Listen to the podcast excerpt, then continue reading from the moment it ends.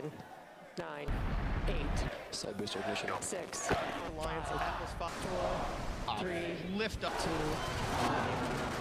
past max Q, the period of maximum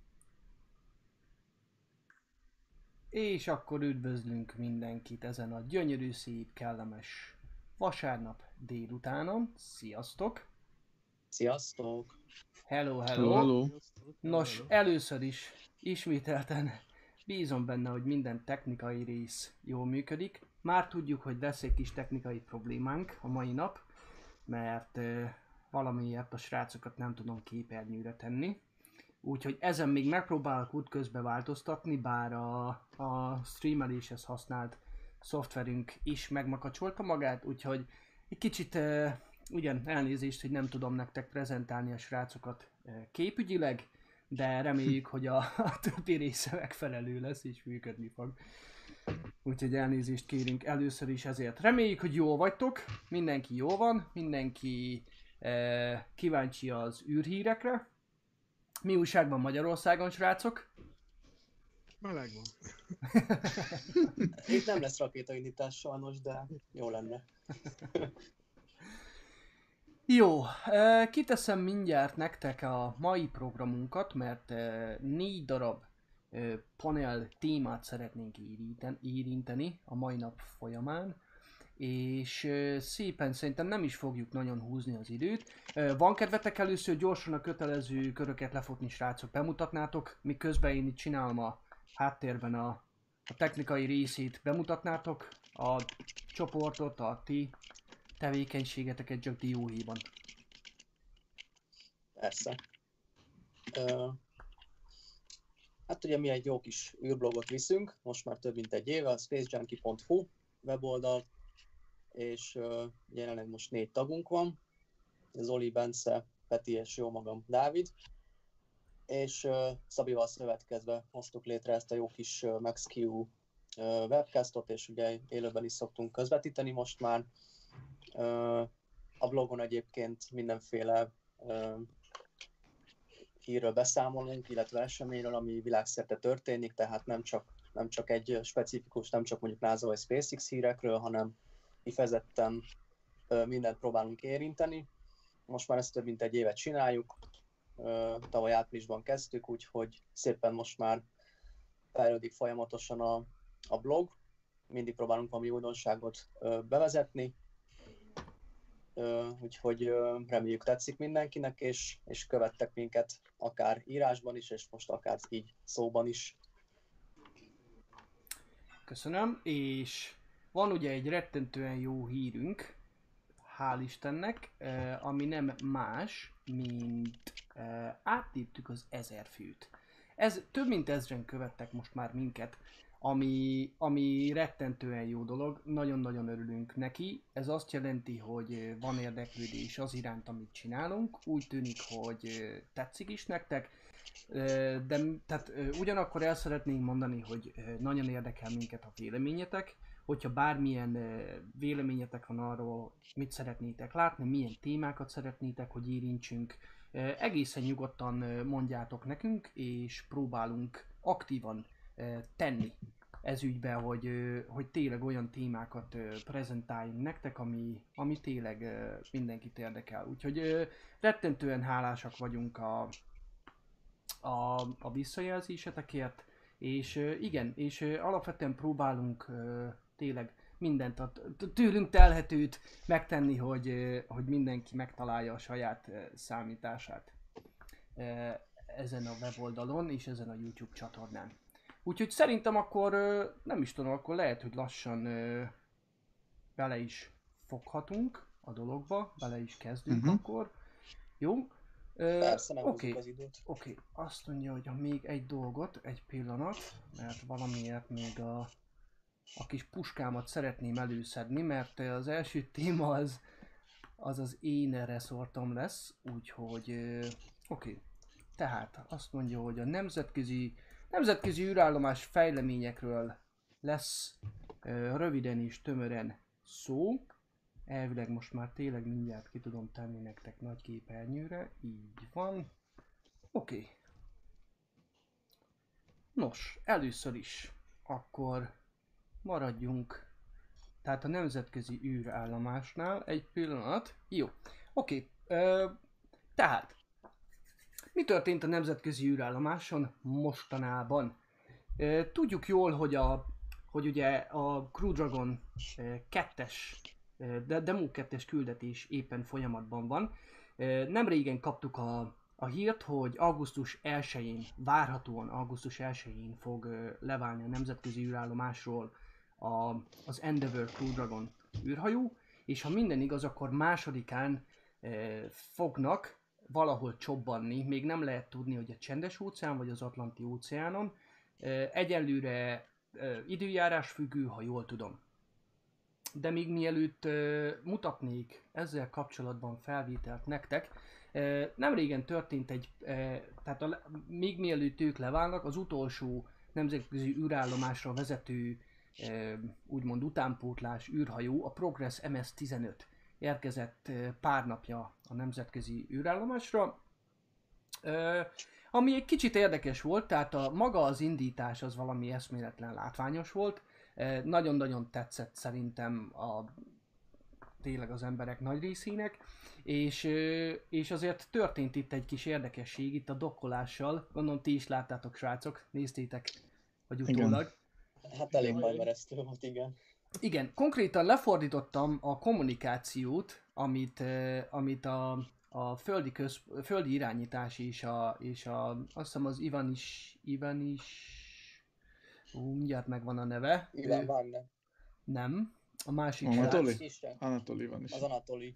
Igen, Anatoli és az irányítás között, és konkrétan ilyen beszélgetés hallatszott, hogy a célpont részben láthatatlan, sötétben van. Látjuk a forduló manővert, tehát amit éppen a Progress 15 eh, elkezdett, és a célpont is árnyékban van.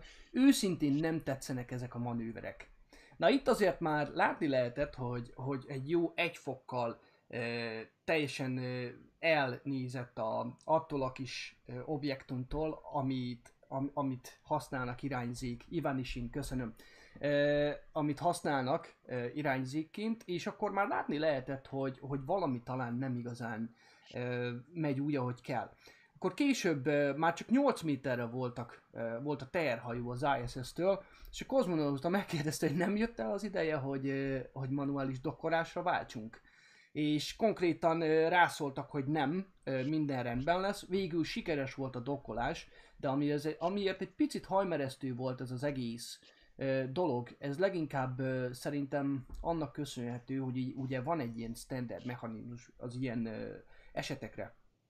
És akkor konkrétan, hogyha valami nem, nem úgy megy, ahogy kellene, akkor egyrészt vagy ö, manuális irányításra váltanak, vagy pedig egyszerűen ilyenkor hátraarc, eltávolodnak a nemzetközi, nemzetközi űrállomástól, tartják a pozíciójukat, és amikor úgy tűnik, hogy minden rendben van, akkor újból megpróbálják. Nem ez történt ebben az esetben. Tanulság nem tudom, hogy van-e, nem tudjuk, hogy mi lesz a következmény. Alapvetően, de ez talán így nem volt a legszerencsésebb. Nem tudom, hogy nektek van-e valami hozzáfűzni valótok. Hát ugye ezt az oro- a oroszok elég régóta csinálják. Ugye mind a Soyuz, mind a Progress automatán dokkol, ahogy említetted, Mhm. és ez az úgynevezett kursz ö, rendszer az, ami irányít ilyenkor az űrhajót ugye teljesen automata üzemmódban az ISS dokkolóportjához. Ez annak idején már a mi űrállomással is sokszor probléma volt, hogy érdekes volt, hogy a Soyuz, tehát az emberes űrhajóknál ö, mindig sikerült például automatán dokkolni, Uh-huh. de amikor érkezett egy progress, mindig volt valamilyen probléma. Uh-huh. És ott viszont sokszor valóban ugye kéz ir- irányításra váltottak, de most ez azért érdekes Oroszországban, mert ö, az orosz űrhajósok bónusz kapnak azért, hogyha egy kézi dokkolást végrehajtanak, és sokszor nem lehetett tudni, hogy tényleg probléma volt, nem volt probléma, és hát érdekes, az biztos, hogy valamilyen szinten ki, muszáj lesz most ez alkalommal kivizsgálni, ugyanis ez tényleg tehát az űrállomásnak a, a, az épségét veszélyezteti egy ilyen manőver, és ahogy te is mondtad, Szabbi, ilyenkor vissza több száz méterrel, és akkor kitalálják, hogy mi legyen nem az utolsó pillanatban, hát tényleg pár méterre volt a, az orosz szegmenstől a progress, úgyhogy nem tudom, És de hát ráadásul ez most egy érdekes. éven belül a második ilyen kis incidens volt, ami azért már még, még inkább nem, nem vicc, úgyhogy Igen. Igen, közben látjátok a felvételt az indításról. Egyébként ez egy nagyon érdekes és szép indítás volt. Azt kell, hogy mondjam, kicsit újítottak az oroszok, amit, amit rettentően nagy örömmel fogadtunk, azért azt tegyük hozzá, Uh-huh. Igen, igen. mert nem szoktak mostanában. Látjátok a, éppen a képernyőn, hogy gyönyörű szép grafika, orosz és angol nyelven váltakozott ugye a, a képernyőn látható információk mennyisége. Szépen volt egy onboard, tehát egy fedélzeten lévő kamera, aztán elkapcsolták, egyébként nagyon érdekes volt, hogy ugye elkapcsolták az élő kamerát, és utána konkrétan a, tehát a stúdió, honnan közvetítették a Progress 15 indítást, ott a háttérben ment ez a kamera. és akkor szépen azt csinálta a NASA TV, vagy azt hiszem a NASA TV, hogy szépen rá ráközelítettek arra a kis kam- képernyőre, ami a stúdióban látszott, és akkor gondolom a Roszkozmosznál ezt láthatták, és akkor rá nem is tudom, egy percre, két percre, ők is kitették nagy képernyőre ismételten. szóval egy kicsit érdekes volt, azt kell, hogy mondjam, és akkor itt szépen látjuk, még ezt szeretném nektek megmutatni, itt fog leválni az utolsó gyorsítófokozat, ami a második, ugye? Az orosz rakétákon második fokozatban. Mert az első Hát, fokozat többből áll. három, Három? három fokozat, igen. Uh-huh. Igen, mert a segédrakéták az első, a, amik ugye ö, először válnak le, azok Mhm. alkotják ezt a szép Korojev keresztet, Uh-huh. Uh-huh. Amikor ugye Mhm. segédrakéták így elszállnak, és ez az utolsó, ez a harmadik fokozat. Értem, Ez a kick- értem. kick Valamiért azt úgy- a, úgy emlékeztem, hogy, a, hogy az, az oldalsó rakéták és a középső az egy első fokozatnak Hát számít. technikailag igen, csak ők így hívják, hogy ez az utolsó Igen, de az első fokozata az a négy gyorsító. Ilyen érdekesen Mhm. van ez így megcsinálva. Közben majdnem kikapcsolt a tévén. És, és itt láthattátok, ahogy a, a, a Progress teherűrhajónak kinyílt az egyik napelem táblája. Úgyhogy ez is egy nagyon érdekes ö, dolog egyébként. Hát érdemes. Érdekes és érdemes látni. Jó, ö, De van érdekes, hogy így kivágódik szó szerint az egész napelem, miközben amikor a Dragont ugye esetleg korábban láttuk, hogy, hogy még ugye a Dragon egy első generációs teherűrhajó szépen konkrétan ilyen majdnem egy percen keresztül nyílik ki. Mhm. Ez Igen. meg inkább így kivágódik, aztán jó, jó van az úgy. Igen, és akkor a dokkolásról is van nektek, ne, van, nektek egy videóm, még azt szeretném gyorsan megmutatni, ha belefér. E, igen, itt látható a, a közeledő e, Progress teherűrhajó, és akkor szépen, e, tehát érdemes majd figyelni, beletekerek egészen odáig, amikor már tök közel volt. A külső kamera az, amit, ami fekete-fehér felvétel, és mindenféle cirilbetűket lehet rajta látni. Ott annak az a különlegessége, hogy, hogy egészen konkrétan itt látszik, hogy például ez 7 méterre van, tehát most van 7 méterre. Ebből nagyjából tudni lehet mindig, hogy milyen az ISS-hez viszonyított sebessége, és milyen távol van az, az űrállomástól. Úgyhogy ez történt, itt egy picit, még ha picit talán visszatekerek, akkor igen, itt látható, hogy itt már azért, talán itt már most megy közelebb ismét, de, de ezelőtt nem sokkal elindult egy, egy bizonyos irányba. Itt, tehát konkrétan ez, ez nem igazán norminális. Úgyhogy igen, ez nem volt túl jó dolog. Jó, tehát sikeresen az a lényeg, hogy sikeresen kérdezitek, hogy nem lehetne egy kicsit több hangerőt. Nem tudok rajta, vagy nem, hát megpróbáltam. Mind a kettőnkön adunk egy picit. Jó, szóval írd majd meg, légy szíves Gyula, hogyha, hogyha kicsit jobb lett. Mi is beszélünk valamit, hogy akkor most össze tud hasonlítani? Okay? de reméljük akkor most jobb lesz. Okay. Közben még egy érdekességet megmondhatok a Abszolút. progresszál kapcsolatban? Abszolút. Ö, ami kettő érdekessége volt ö, ennek a küldetésnek még. Az egyik az, hogy három óra alatt dokkolt a nemzetközi űrállomásra. Ha a naukával kapcsolatos, akkor azzal is készültem képekkel, meg minden. Akkor a, jó, akkor a naukát nem mondom. Akkor csak az, hogy ugye három órán belül ott volt most, tehát egy nagyon express Aha. és gyors indítás, illetve dokkolás volt. Uh-huh. Ez azért lehetséges, mert a nemzetközi űrállomásnak a pályája ugye Bajkonúr indításokhoz lett kitalálva Mhm. annak idején, pont együtt állt. Ö, Természetesen ugye úgy készültek az indításra, hogy minél közelebb legyen az űrállomás, úgyhogy azért, azért volt lehetséges. Uh-huh. Valószínű amúgy, hogy ezt a három órásat nem fogják például Soyuzokra bevezetni, én azt olvastam most. Úgyhogy, de... Hát általában ilyen 6 óra szokott lenni, nem? Hát igen, az nagyon gyors, meg van még a kétnapos, ami Igen. az most már egyre, egyre kevesebb van abból, de a Progressnél megpróbálják majd ezt a három órát tartani. Érdekes amúgy például a Crew Dragonnál, meg az amerikai ö, leendő Starliner, Starliner ott meg fog maradni, tehát a, ez általában ez a 18-19 órás megközelítés. Egy az, hogy kedvezőtlenebb helyen van Cape Canaveral, nemzetközi űrállomás helyzetéhez képest, másik meg, hogy ott ö, amúgy nincsen szükség, például mert kényelmesen vannak az űrhajósok, egy Soyuzban azért órákon keresztül ö, nehéz Igen. meglenni. Közben Zsombok Gábor írja, hogy a stúdió az irányító központban volt. Uh, Szervusz Gábor, és köszönjük szépen. Uh, jó, és akkor uh, mi a különlegessége ennek ugye ennek a, ennek a küldetésnek? Uh, a terv az, hogy uh, van egy olyan moduljuk, amit hiszem 90, 1995 óta építenek, egészen konkrétan, Naukának hívják, és ezzel tervük van, egészen konkrétan. Na most mi is ez a Nauka? Most a, a Roscosmos 2021-ben tervezi bővíteni az ISS szegmest.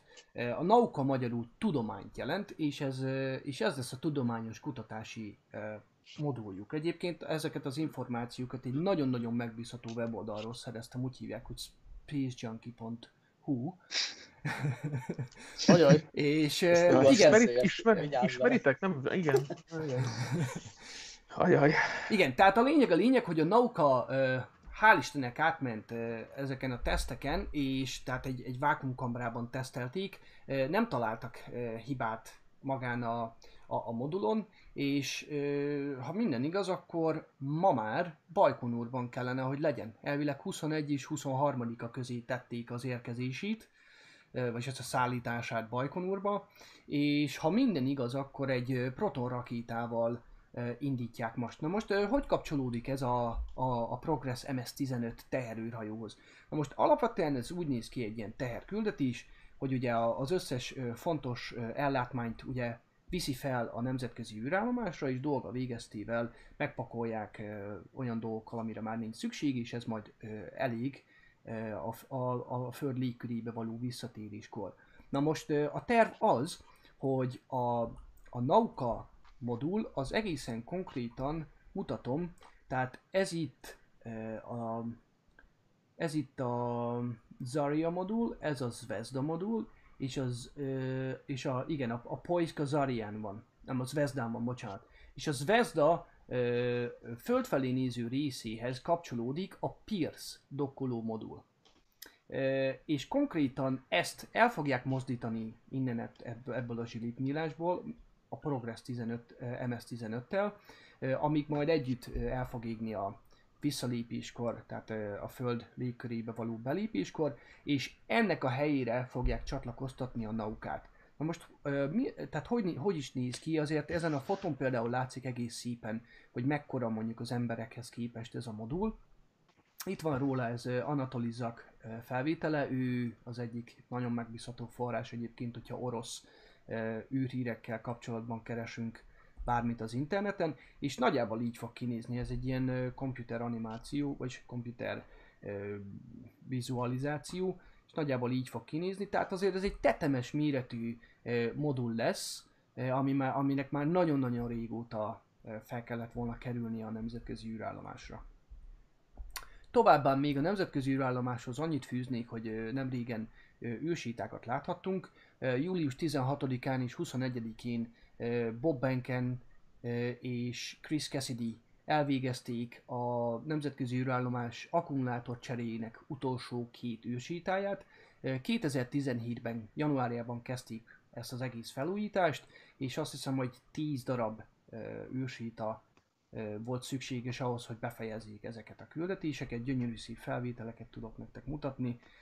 Ez itt, ha jól tudom, ez pront Chris Cassidy, ez pedig a két űrhajós, éppen szelfiznek a világűrben, háttérben a Quest ö, légzsilip és a, és a gyönyörű szép ö, egyik napelem tábla. Valamint egy képet még szeretnék mutatni, ezek a, a Crew Dragon 2 ö, visszatérésének a lehetséges helyszínei. Ezeket majd, ahogy közelebb kerülünk az időponthoz, egyre többet fogunk tudni róla. Srácok. Igen, hát igazából itt, ha már itt az utolsó képnél vagyunk, akkor ehhez csak annyi hozzá fűzni való van, hogy ugye főleg időjárás függvénye lesz majd. Eleve, hogy egyáltalán másodikán leszállhatnak-e, mert egyébként a Crew Dragon létfenntartó rendszerei több napra is elegendő, elegendőek ahhoz, hogy, hogy nem, nem kell rögtön le, leszállniuk mindenképp, tehát attól, hogy elsőjén ugye leválnak az ISS-ről, ha jól tudom, talán három, nap, három napnyi ö, tartalék van a létfenntartó rendszerekben, tehát ö, ennyi, ide, ennyi idejük van, hogy ö, leszálljanak. Uh-huh. De, de nyilván időjárás függvénye lesz, hogy másodikán ö, landolhatnak-e. Ugye, ahogy említetted, vagy a mexikói öbölben, vagy a, az Atlanti óceán, tehát a floridai, Florida keleti partjainál. Uh-huh. És ehhez egyébként a SpaceX-nek két, hát úgymond mentőhajója. Az már, egyiket éppen az, az egy, egyik, igen. Az egyik már ki is hajózott, ugye a Go Navigator. Neki, neki lesz a feladata, hogy a mexikói öbölben vegye föl az astronautákat, illetve magát ugye a kapszulát. Ez már el is hagyta a Cape Canaveral kikötőjét pár napja, és a másik pedig a Go Quest hajó lesz. Ez jelenleg még, még mindig a kikötőben várakozik, hiszen neki azért nem kell akkora távolságot megtenni majd ugye Florida kelet- keleti partjaihoz, ha esetleg végül azokhoz valamely, a valamelyik landulási zónát jelöli majd ki a NASA, mert egyébként a NASA fogja kijelölni a, a landulási zónát, ha jól tudom, és de, de a SpaceX fogja végrehajtani a, az astronauták, illetve a, magának a kapszulának a visszahozatalát ugye a szárazföldre. Igen. Közben a, hát, közben a, a nézők, kedves nézők a demo egy küldetés végét látják, éppen ahogy a demo egy űrhajó éppen visszatér, tehát éppen belép a föld légkörébe, ugye ez egy infrared kamera, infravörös kamera, és, és ők már elég, elég, elég hamar el tudják kezdeni úgymond követni ezt a... Igen, és még egy dolgot hadd mutassak, ha belefér, mert itt közben én találtam egy olyan felvételt, amit szerintem, hát, nem vagyok benne biztos, hogy túl sokat eh, lehetett látni a nemzetközi űrállomásról készített, Hawaii-ról készítettek egy felvételt, az Amos nevű hát szerintem egy teleszkóp hálózat, egy 1,6, az egyik eh, teleszkóppal, egy, egy, mindjárt megkeresem egyébként, eh, egy teleszkóp, az egyik 1,6 méteres teleszkóppal készítettek egy felvételt a nemzetközi űrállomásról, majd egy kicsit eh, később visszatérek erre. Őrület. Őrület konkrétan, hogy milyen részletek látszanak a nemzetközi űrállomáson. Hát azért egy akkora teleszkóppal már lehet lőni jó képeket, úgyhogy Igen, adaptív opt- optikával, tehát igen, tehát konkrétan ez már egy másik dimenzió teljes mértékben. És akkor nagyjából ezt fogjuk látni egy hét múlva, amit közvetíteni fogunk, úgyhogy mindenféleképpen hangolódjatok ránk a jövő hétvégén, mert abszolút a Demo 2 küldetés jegyében fog telni. Közvetíteni szeretnénk a, a leválást, és közvetíteni szeretnénk uh, ugyanennek a, a hasonmását, amit éppen most láttok, a demo egy küldetéshez hasonló, de a demo 2 is valószínű így fog egyébként csobbanni, azzal a különbséggel, hogy a két űrhajós ott fog bent ülni a, a Crew Dragon terű, vagy űrhajóba, mindig terhet próbálok mondani, és akkor csobb. Na, hát reméljük, hogy, reméljük, hogy minden rendben lesz, és nem lesz túlságosan nagy probléma. Ámen. Ámen. ne, ne túlságosan nagy probléma legyen, hanem semmi probléma legyen. Igen, igen. Reméljük. Hát ér- érdekes pillanat lesz, az biztos. És már készülődik a következő is, de arról egy kicsit később beszélünk. Igen. Jó, alapvetően akkor Picit nekem... halk vagy nekem, Zoli, egyébként szerintem kifelé is, úgyhogy beszélj hangosabban, kérlek. Oké. Okay. Horny bye.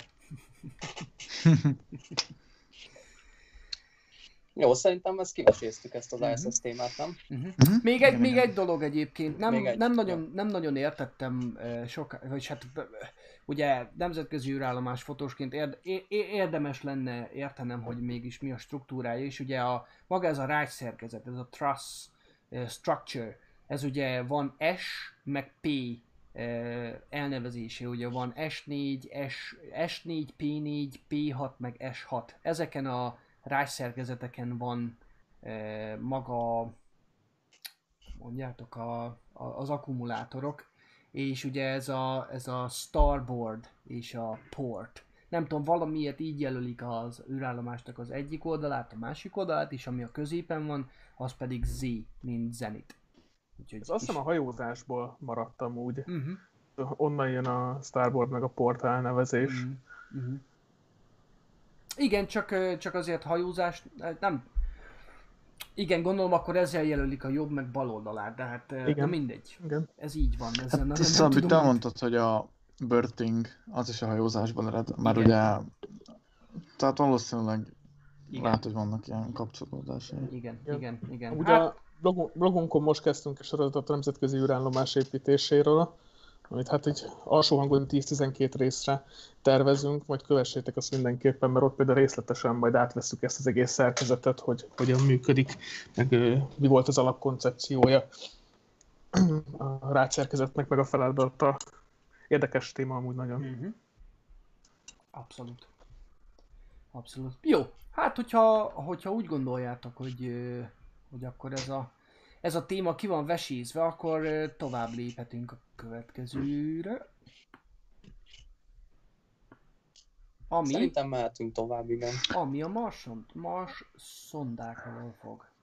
Jó, akkor, akkor szerintem elkezdem akkor a Mars update. Mhm. Már a múlt heti webcastban is beszéltünk róla, de akkor mm, így összegzésképpen még megemlítem, hogy uh, múlt hét vasárnap elindult az Egyesült Arab Emírségek Alamal, vagy angol Hope, magyarul remény nevű űrszondája. A japán Tanegas- Tane- Tanegashima űrközpontból egy H2-es űrrakétával. Minden flottul ment, tehát a szonda jelenleg egy nominal pályán van a Mars felé, Uh-huh. és Szabi küldtem neked egy tweetet, amiben meg tudod mutatni, hogy Uh-huh. A- Egy fél pillanat. az űrszondának a Star Tracker, ami magyarul annyit tesz ki, hogy csillag figyelő, csillagkereső, Star Csillagkövető. Tula- Csillag, csillagkövető, csillagkövető. igen. A, az űrszonda csillagkövetőivel lefotózták a Marsot, ami szerintem egy Jó, igazán király dolog, mert végül is oda tartanak, úgyhogy ha azt berakod, az, Még az annyit jó mondd meg, hogy hova küldted a Facebookon, ugye? Uh, igen, igen, Facebookon elküldtem azt a tweetet. Jó, egy fél pillanat. Mert Tehát az, igen, az akkor- tényleg nagyon jól néz ki. Igen, igen, igen. Egy fél Úgyhogy- pillanat. Gyorsan keresem. Persze, alig tölt. Na, talán ő lesz az. Kis türelmeteket kérem. Így. Nos. Ő lesz az. Hmm, bent van, mert, Mhm. akkor, mert én még ugye nem látom. Rendben, akkor itt, itt lehet látni a, a Marst, ahol lefotózta a űrszonda, úgyhogy szerintem ez egy igen uh, fantasztikus kép, abba belegondolva, hogy hónapokon belül odaér, úgyhogy minden a terv szerint halad, semmi problémáról nem adtak egyelőre hírt, de reméljük ez így is marad. Um, akkor a Mars update-tel folytatva. Okay. csütört, csütörtök reggel elindult a Tianwen 1, amit magyarul, ha jól emlékszem, annyit tesz ki, hogy mennyi kérdések egy. Uh-huh. Uh, Kína első Mars, második Mars missziója.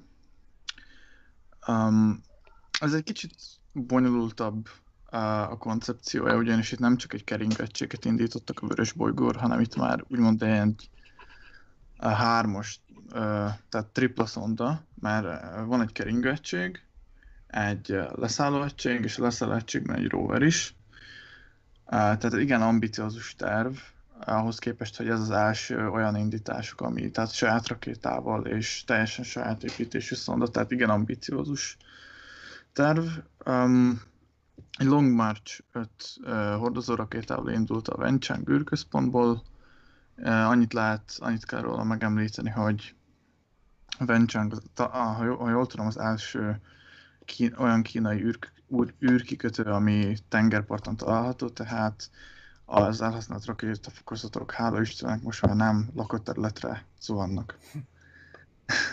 hát igen, Hurrá! ezért lehet, le, le, lehet látni képeket, elég durva dolgok történnek ott. Igen. Pont az adás előtt beszéltük, hogy a tegnapi March 4B, vagy a 4-es valamelyik verziója indult. 4B, igen, igen. A 4B, és ez a másik űrközpontból van, ami a szárazföld teljes közepén van, ugye kör, a környéken hegyek, falvak mindenhol, és hát megint sikerült egy hegyoldalt teljesen a visszaeső fokozatokkal teleszemetelni, ami nagyon-nagyon nem vicces, mivel ö, veszélyes üzemanyagot használnak a rakétáinkhoz a kínaiak, tehát bo- borzalmasan mérgező az emberi szervezet számára. Ehhez hozzátéve ez egy jó újítás, hogy most már nem csak tengerpartról indítják a rakétáikat, hanem a Long March a legújabb nehéz rakéta. Ez már nem veszélyes um, karcinogén üzemanyagot használ, hanem ez ö, kriogenikus folyékony hidrogént és folyékony oxigént. Tehát ez egy igen nagy újítás tőlük. Próbálom ami közben megkeresni, bocsánat, a videót uh, az indításról, mert azért az elég jó volt. Mhm, persze, persze. Úgyhogy egyenlőre um, Kína is jó úton halad a Mars felé, és a harmadik küldetés, ami idén fog indulni, remélhetőleg az a NASA Perseverance Mars, jár, Mars járója. Um, tulajdonképpen annyit tudni, hogy a Tori Bruno, a ULA uh, igazgatója Twitteren közölte, hogy minden uh, jó úton halad, tehát a rakéta és a Perseverance átment a teszteken és a próbákon, úgyhogy egyelőre nincs Mhm. további eltolódás. Uh-huh. Tehát reméljük az is el fog indulni, mindjárt mondom pontos dátumot.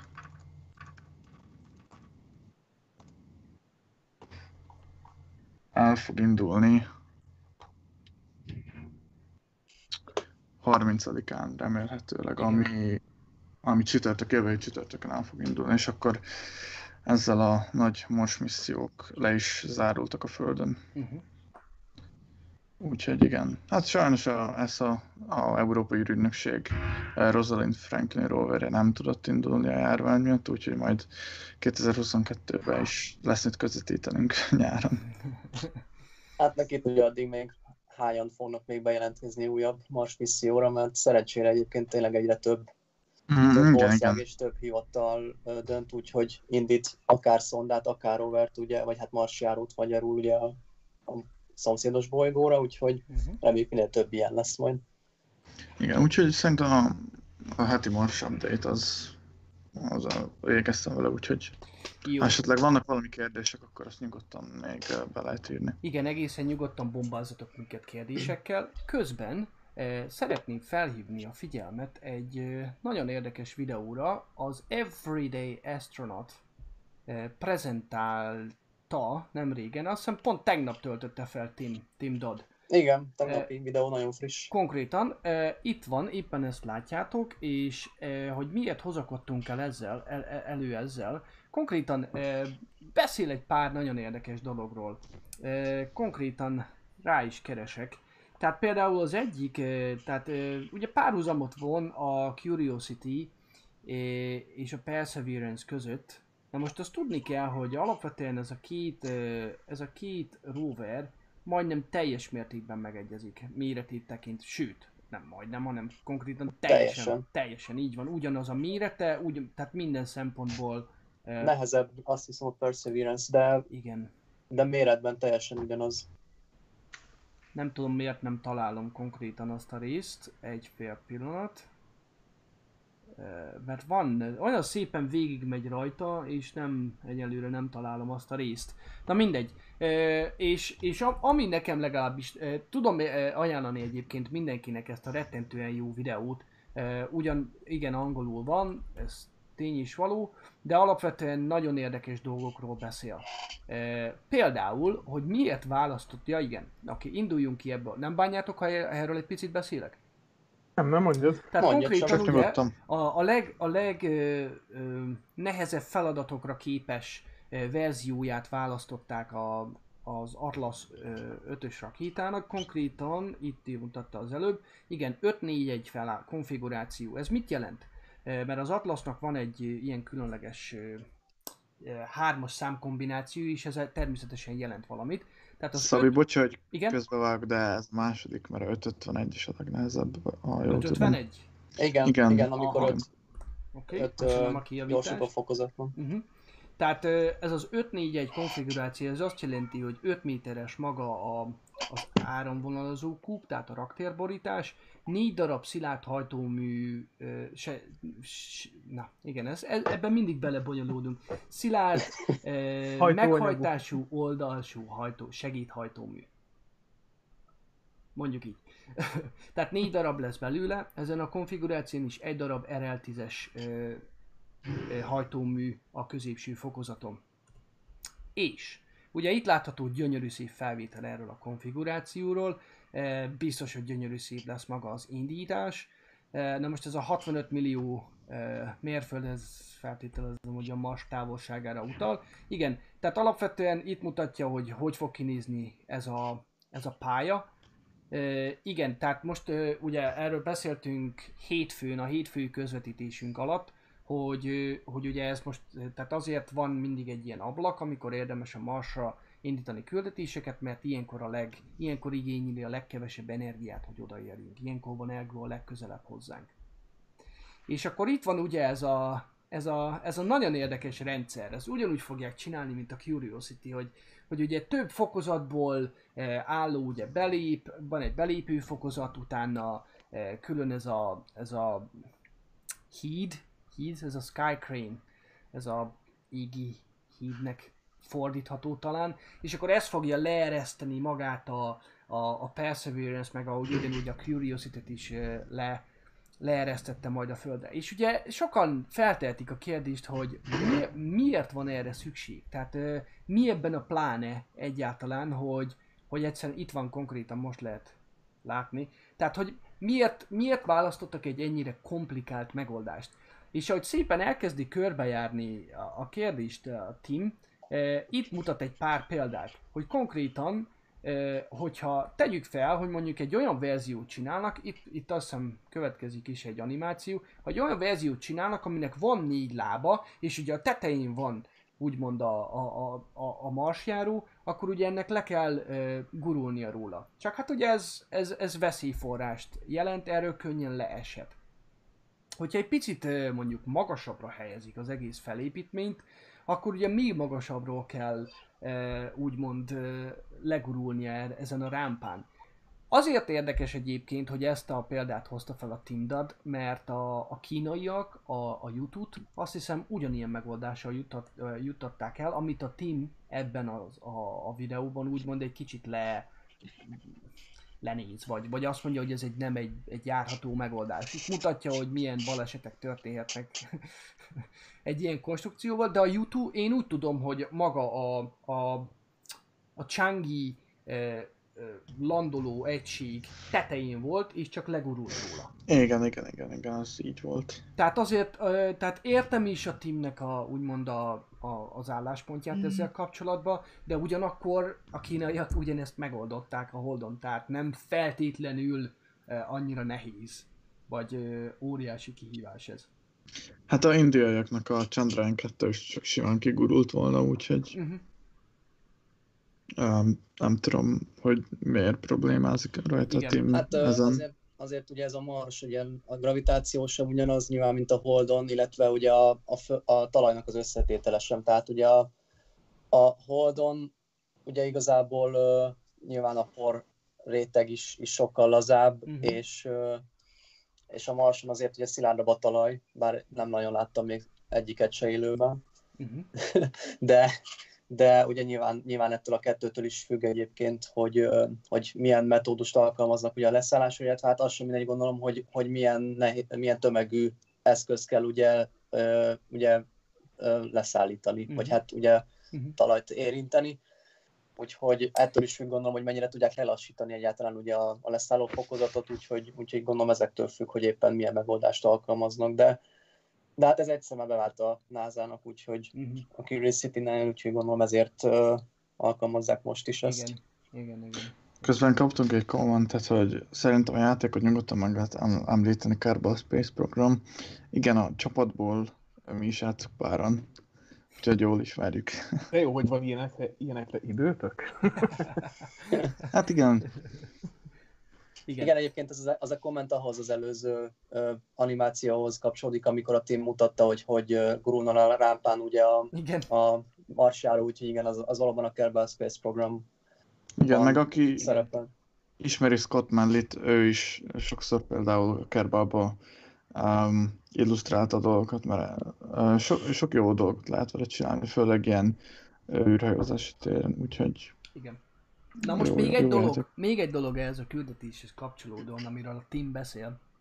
Ugye nagyon stílusosan ez a ez a Perseverance, vagy Percy, ahogy ugye már elnevezték, ez a úgymond beceneve, ez, ez ugye, tehát eh, rettentően sok berendezése van, sokkal, sokkal több mérést fog tudni elvégezni, mint a Curiosity.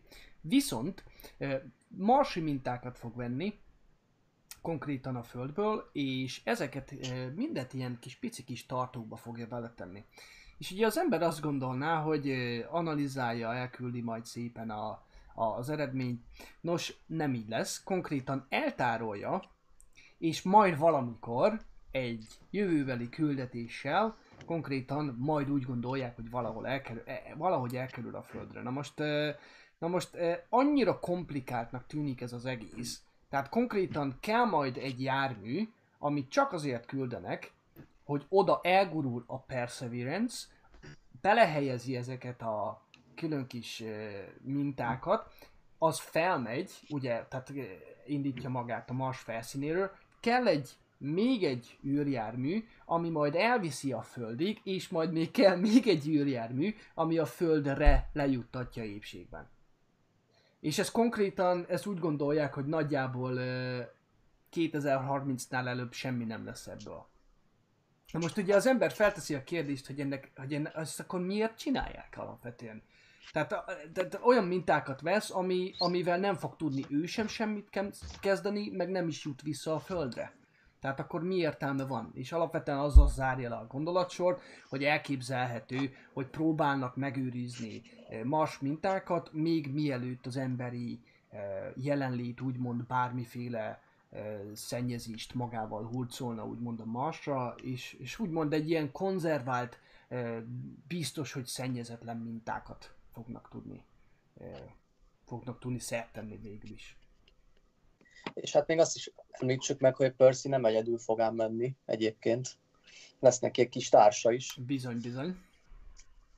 Ö, ugyanis konkrétan egy, hát egy ilyen helikoptert, egy ilyen drónt visznek gyakorlatilag még vele. Uh-huh. Egymásba becsomagolták igazából a kettőt, ugye a Perseverance-t és a Ingenuity, azt hiszem ez a neve a, Aha, éppen Igen, csak most ezt az sosem van a tudom kimondani. Uh-huh.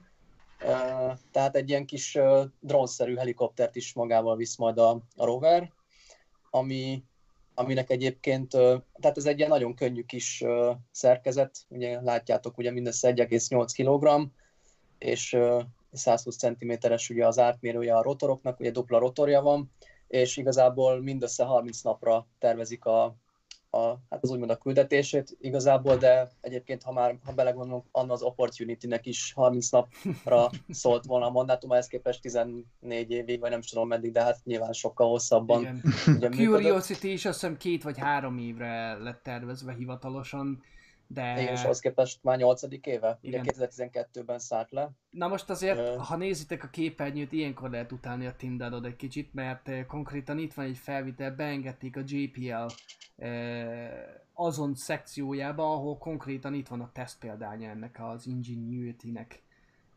Igen, hát azért irigyelni való, az biztos. nem utálunk, Igen. Tim, de hogy is. Nem, nem, nem. Pillanatra gondold. Szóval 30 napra tervezik ennek a kis Ingenuity-nek a karrierjét, úgymond a Marson, de és, és ezen, ezeken a, ezen, ezen belül a 30 napon belül is igazából azt hiszem 5 vagy 6-szor fog felszállni 3-4 percre, Mhm. tehát ö, nem arról lesz szó, hogy leszáll, és kb. folyamatosan a levegőben lesz, Igen. hanem, hanem így párszor, pár percre fog felszállni, és, és igazából a levegőből fog, fog fotókat készíteni a Mars talajáról, Igen. de mindenképp érdekes, hogy, hogy tehát ez is egy ekkora újítás, hogy igazából két eszköz fog leszállni, és két teljesen különböző ö, szempontból fogja vizsgálni a, a marsot, uh-huh. úgyhogy Uh-huh. Akkor még, még talán egy dolog, ö, Zsombor Gábor írta nekünk, hogy elsőre nem nyilvánvaló, de a Skycrane könnyebb és kevesebb mozgó alkatrészből áll, mint azok a teleszkópos lábak. Összesen, amik, az, amik egy egy tonnás roverhez kellenek. Úgyhogy igen, fel, gondoljuk, hogy valószínű, hogy azért maradtak ennél a megoldásnál, mert egyrészt bevált, másrészt meg igen egyszerűbb, annak ellenére, hogy sokkal bonyolultabbnak tűnik.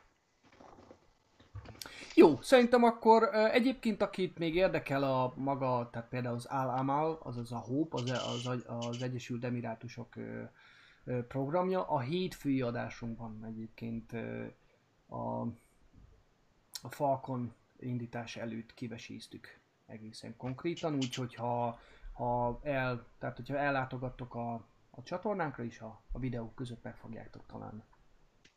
Jó, menjünk sajnos, tovább. sajnos ezt a Perseverance indítást ezt nem fogjuk tudni közvetíteni, mert, mert ez napközben lesz mindannyiunknak, Igen. hétköznap, úgyhogy, úgyhogy ez, sajnos ezt élőben nem fogjuk tudni közvetíteni, de, de utólag mindenképp fogunk róla beszélni, úgyhogy Igen, igen.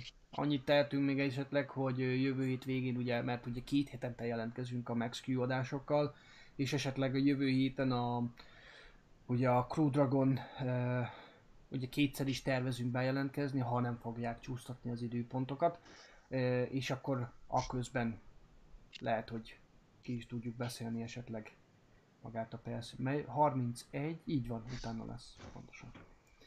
Jó van. Ö, SpaceX várható indítások, nem tudom, Zoli. Készen állsz. Én én jövök. Uh, Anazis 2-ről beszéljünk, vagy ha, mindenképpen nézzé, nézzétek majd vissza a Hát említés szinten, ha? Csak egy ilyen... említés szintén. Recap. Jó. Mhm. Ugye Anazis Pillanat, 2... egy fél pillanat, még mielőtt belekezdesz. Elnézést. Szitkai Gábor még csak egy kérdése volt a Marshoz. A Mars helikopternek van lehetősége az akkumulátorait napelemmel feltölteni, csak egy nagyon gyorsan megválaszolom, csak is kizárólag így fog működni, tehát napelem, tehát napelemei vannak és azzal tölti fel az akkumulátorait, ha jól tudom. Jól tudom? Jól tudom. igen. Igen, és ö, úgy tervezik, hogy ötször fog repülni, és mindössze három percre tud felemelkedni. Na most megint, ahogy mondta, mondtátok srácok, ö, alapvetően nagyon sok mindent terveztek bizonyos élettartamra, és, és bőven ki tudták nyújtani, mert egyszerűen működött. Úgyhogy reméljük, hogy a helikopterrel is ez lesz. Nagyon érdekes lesz először repülni a Mars fölött. És egyébként mikrofonja is lesznek. Tehát a, a az ereszkedés, tehát maga az űrszonda ereszkedését is lehet majd hallani, eh, tehát a videónak lesz hangja, valamint fogja rögzíteni a Mars hangjait is, de ezt már az Insight műholda, mű, műhold is csinál, vagy űrszonda is csinálta. Jó, visszaadtam a szót, elnézést. Na, szóval kedden még uh, ugye közvetítettük is itt élőben. Uh-huh. Hétfőn. Indul... Hétfőn? Az Hétfő. Anasis 2 hétfőn volt. Hétfő. Mm, gyorsan telnek a napok. Na, szóval a dél-koreai hadsereg számára vitt a SpaceX most egy katonai kommunikációs műholdat. Hétfő késő este volt. A indítás érdekessége az volt, hogy e, ugyanazt az első fokozatot használták, mint a DM2 küldetésnél. Ugye ez az a, a booster, aminek a, a külső borításán a NASA-nak a kukac logója található. Tehát tényleg egy e, híres első fokozatról van szó. Sikeresen vissza is tért a start után, illetve ha jól tudom, a mai nap, illetve tegnapi nap már meg is érkezett a kikötőbe, tehát visszajött ez a, ez a booster. Ö, illetve még a péntek, pénteken tért vissza pénteken, szerintem. igen. És ami még érdekessége volt a küldetésnek, hogy első alkalommal sikerült ö, az áramvonalazó kúpoknak a két felét elkapni az elkapó hajókkal. Mind a ketten azok is visszatértek már a kikötőbe, tehát remélhetőleg a jövőben egyre több ilyet láthatunk majd, hogy mind a két áramvonalazó kúp félt el tudják kapni. Miért fontos ez? Ugye több millió dolláros költségről beszélünk itt is. Ezeket úgy tervezték már, hogy saját ilyen meghajtórendszer, illetve hát ilyen kis fúvókákkal is rendelkezik, illetve ejtőernyővel, tehát tudják koordinálni a visszatérését, és akkor így a, az elkapó hálók közelébe, illetve magába bele a hálóba így landoltatni. Tehát remélhetőleg majd sok ilyet látunk még. Bocsánat, csak egy, egy mondat, azt hiszem 6 millió dollárba kerül a két Igen. összesen, Mhm. magát a két fele összesen, úgyhogy azért nem, nem két filléről beszélünk. Bocsi, ennyi volt. Hát igen, jól tudom, 6 millió dollár az kb. annyi, mint egy elektron indítás. Úgyhogy Wow. Igen. Tehát ne- nem, nem kis pénzekről beszélünk. Ö, milyen SpaceX, bocsánat, még egyet a, ehhez az első fokozatra még visszatérnék, hogy valószínűleg a héten megjelent hírek szerint ezt az első fokozatot majd a Crew 2 küldetéshez fogják ö, újból használni, ami elég meglepő volt számunkra is, ugyanis a kereskedelmi űrprogramban NASA azt mondta, hogy emberes küldetésre kizárólag új első fokozatokat és kizárólag új Crew Dragon kapszulát használhat a SpaceX. Ez egy-két hónap alatt teljesen és gyökeresen megváltozott, és most a legújabb hírek szerint már a Crew 2-esnél, ö, ugye most lesz majd egy Crew 1, az legkorábban szeptember végén indulhat, majd arról még szerintem beszélünk részletesen, tehát ott még teljesen új rakéta és Crew Dragon kapszula kerül majd felhasználásra, viszont majd az előreláthatólag 2021. február tájékában menő Crew 2-esnél már ennek a rakétának a felhasználása várható újból. Mhm. Szerintem még ez a Illetve- Crew egy, az a Crew egy hordozó lesz már. Az Én az ugyanúgy- 58-as, ez a, ez a DM2-nek, ez, ez, ez nem lesz, ez, eddig nem jelöltek ki neki már Crew indítást egyelőre. Akkor lehet, hogy elnéztem, és hülyeségeket mondok. A, a, a mostani DM, a DM2 kapszula lesz a Crew 2 kapszula majd. Tehát ami most még fönn van, és most fog visszatérni jövő héten, annak azt a kapszulát fogják, a két, 206-os kapszulát fogják majd a Crew 2 indításnál márciusban használni. Oké, okay, jogos, köszi. Mhm. Akkor ezt ö, benéztem. Ö, úgyhogy ezek várhatóak lesz, még ö, már régóta csúszik egy Starlink 9-es startunk, amit ö, most megint eltoltak, és a ugye Perseverance marsjáró utánra elég nagy a forgalom Floridában az indításokat tekintve, tehát ugye a 30-án megy majd a, a Perseverance, a Jura ULA rakétájával, ugye az Atlas V-val, és rá másnapra 31-én indul majd a Starlink. Ö, ugye itt 57 darab Starlink kerül majd megint, illetve indítanak majd, és lesz még három darab Black Sky. Három darab? Nem, bocsánat, Igen. kettő, kettő darab kettő. Mhm. kettő Black Sky földmegfigyelő műhold is a Rideshare program keretében. Úgy volt még, hogy augusztusra lesz egy SAO, illetve július végére lett volna egy, egy SAOCOM 1B indítás. Ez, ez egy argentin kommunikációs műhold, ezt most eltolták augusztusra, pontos dátumot még nem tudom. Ennek a, a startnak meg az lesz a különlegessége, hogy ö, ö, poláris orbitra fog me, ö, menni, és Cape Canaveralből 60 éve nem volt ilyen, ami azt jelenti, hogy az első fokozat Kuba fölött fog átrepülni. Mm. Reméljük nem értik félre majd. Reméljük nem értik majd félre. Amúgy a küldetést a keleti, illetve a nyugati partról, tehát a Vandenberg légierőbázisról rakták át a SpaceX-nek a kérésére. Kis műholdról van szó, ezért még az is lehet, tehát még az is lehetséges, hogy, illetve nem is lehetséges, hanem így fog történni, hogy a, tehát szárazföldre fog visszatérni az első fokozat.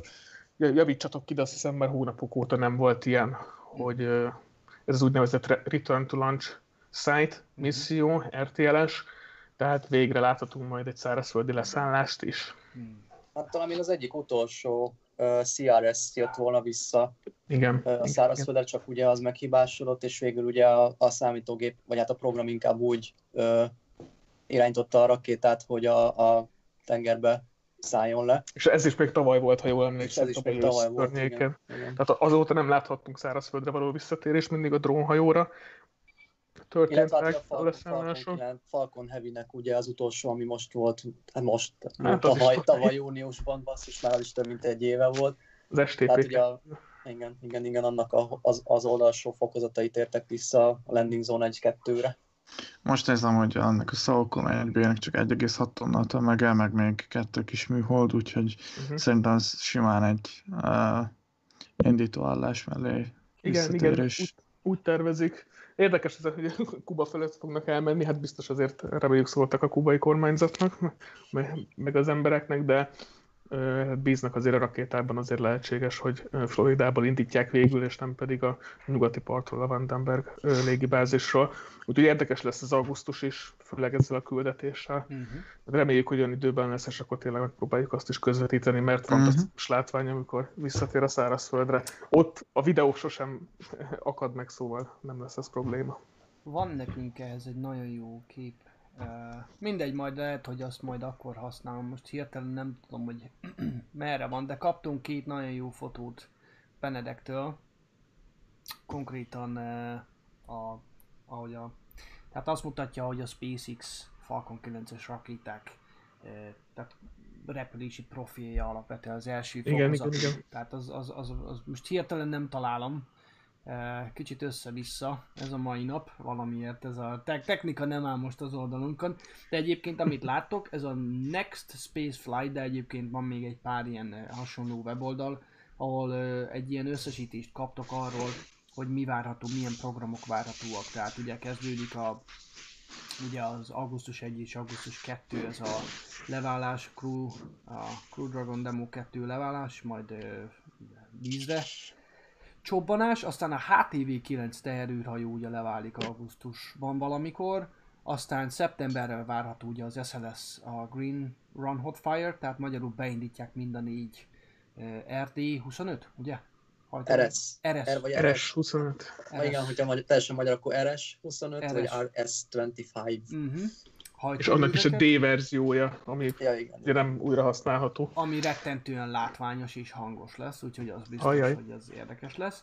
Aztán októberre például ilyet írnak, hogy az Osiris Rex, um, ugye, ami a Bennu nevű kis uh, aszteroidánál van, konkrétan uh, akkor fogja begyűjteni a, a mintákat, majd december környékén indul el vissza, nem, ér vissza a Földre, bocsánat, a Ryugu.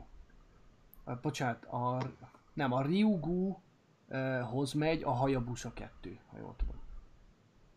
Igen, Asteroid Ryugu. Jó, úgyhogy Igen, ilyen, a- ilyen érdekes Az dolgok. már hozzá is vissza a Hayabusa 2. Igen. A, a Osiris Rex pedig akkor fogja begyűjteni. Ja igen, az Osirisre, igen, igazad van, és a. Hayabusa jön vissza. Igen. Aztán pedig jön a február, ahol Mhm. láthatunk három, minden, remélhetőleg három darab rovert leszállni. Bocsánat, kettő. Milyen Kettő, érdekes. kettő. Nagyon Kettő, jó igen. egyébként. Alig várom. Nagyon érdekes lesz. És Meg akkor itt már konkrétan lesz, be igen. is van tervezve a Pierce modul eh, le, leválasztása. Itt egyébként, ha bele nagyítok, ez a Pierce modul egyébként. Tehát így néz ki, ez a föld felé néző része. A föld felé kettő darab orosz űrhajó tud tokkolni a nemzetközi űrállomáshoz. Az egyik a Pierce, a másik pedig a Rassviet modul.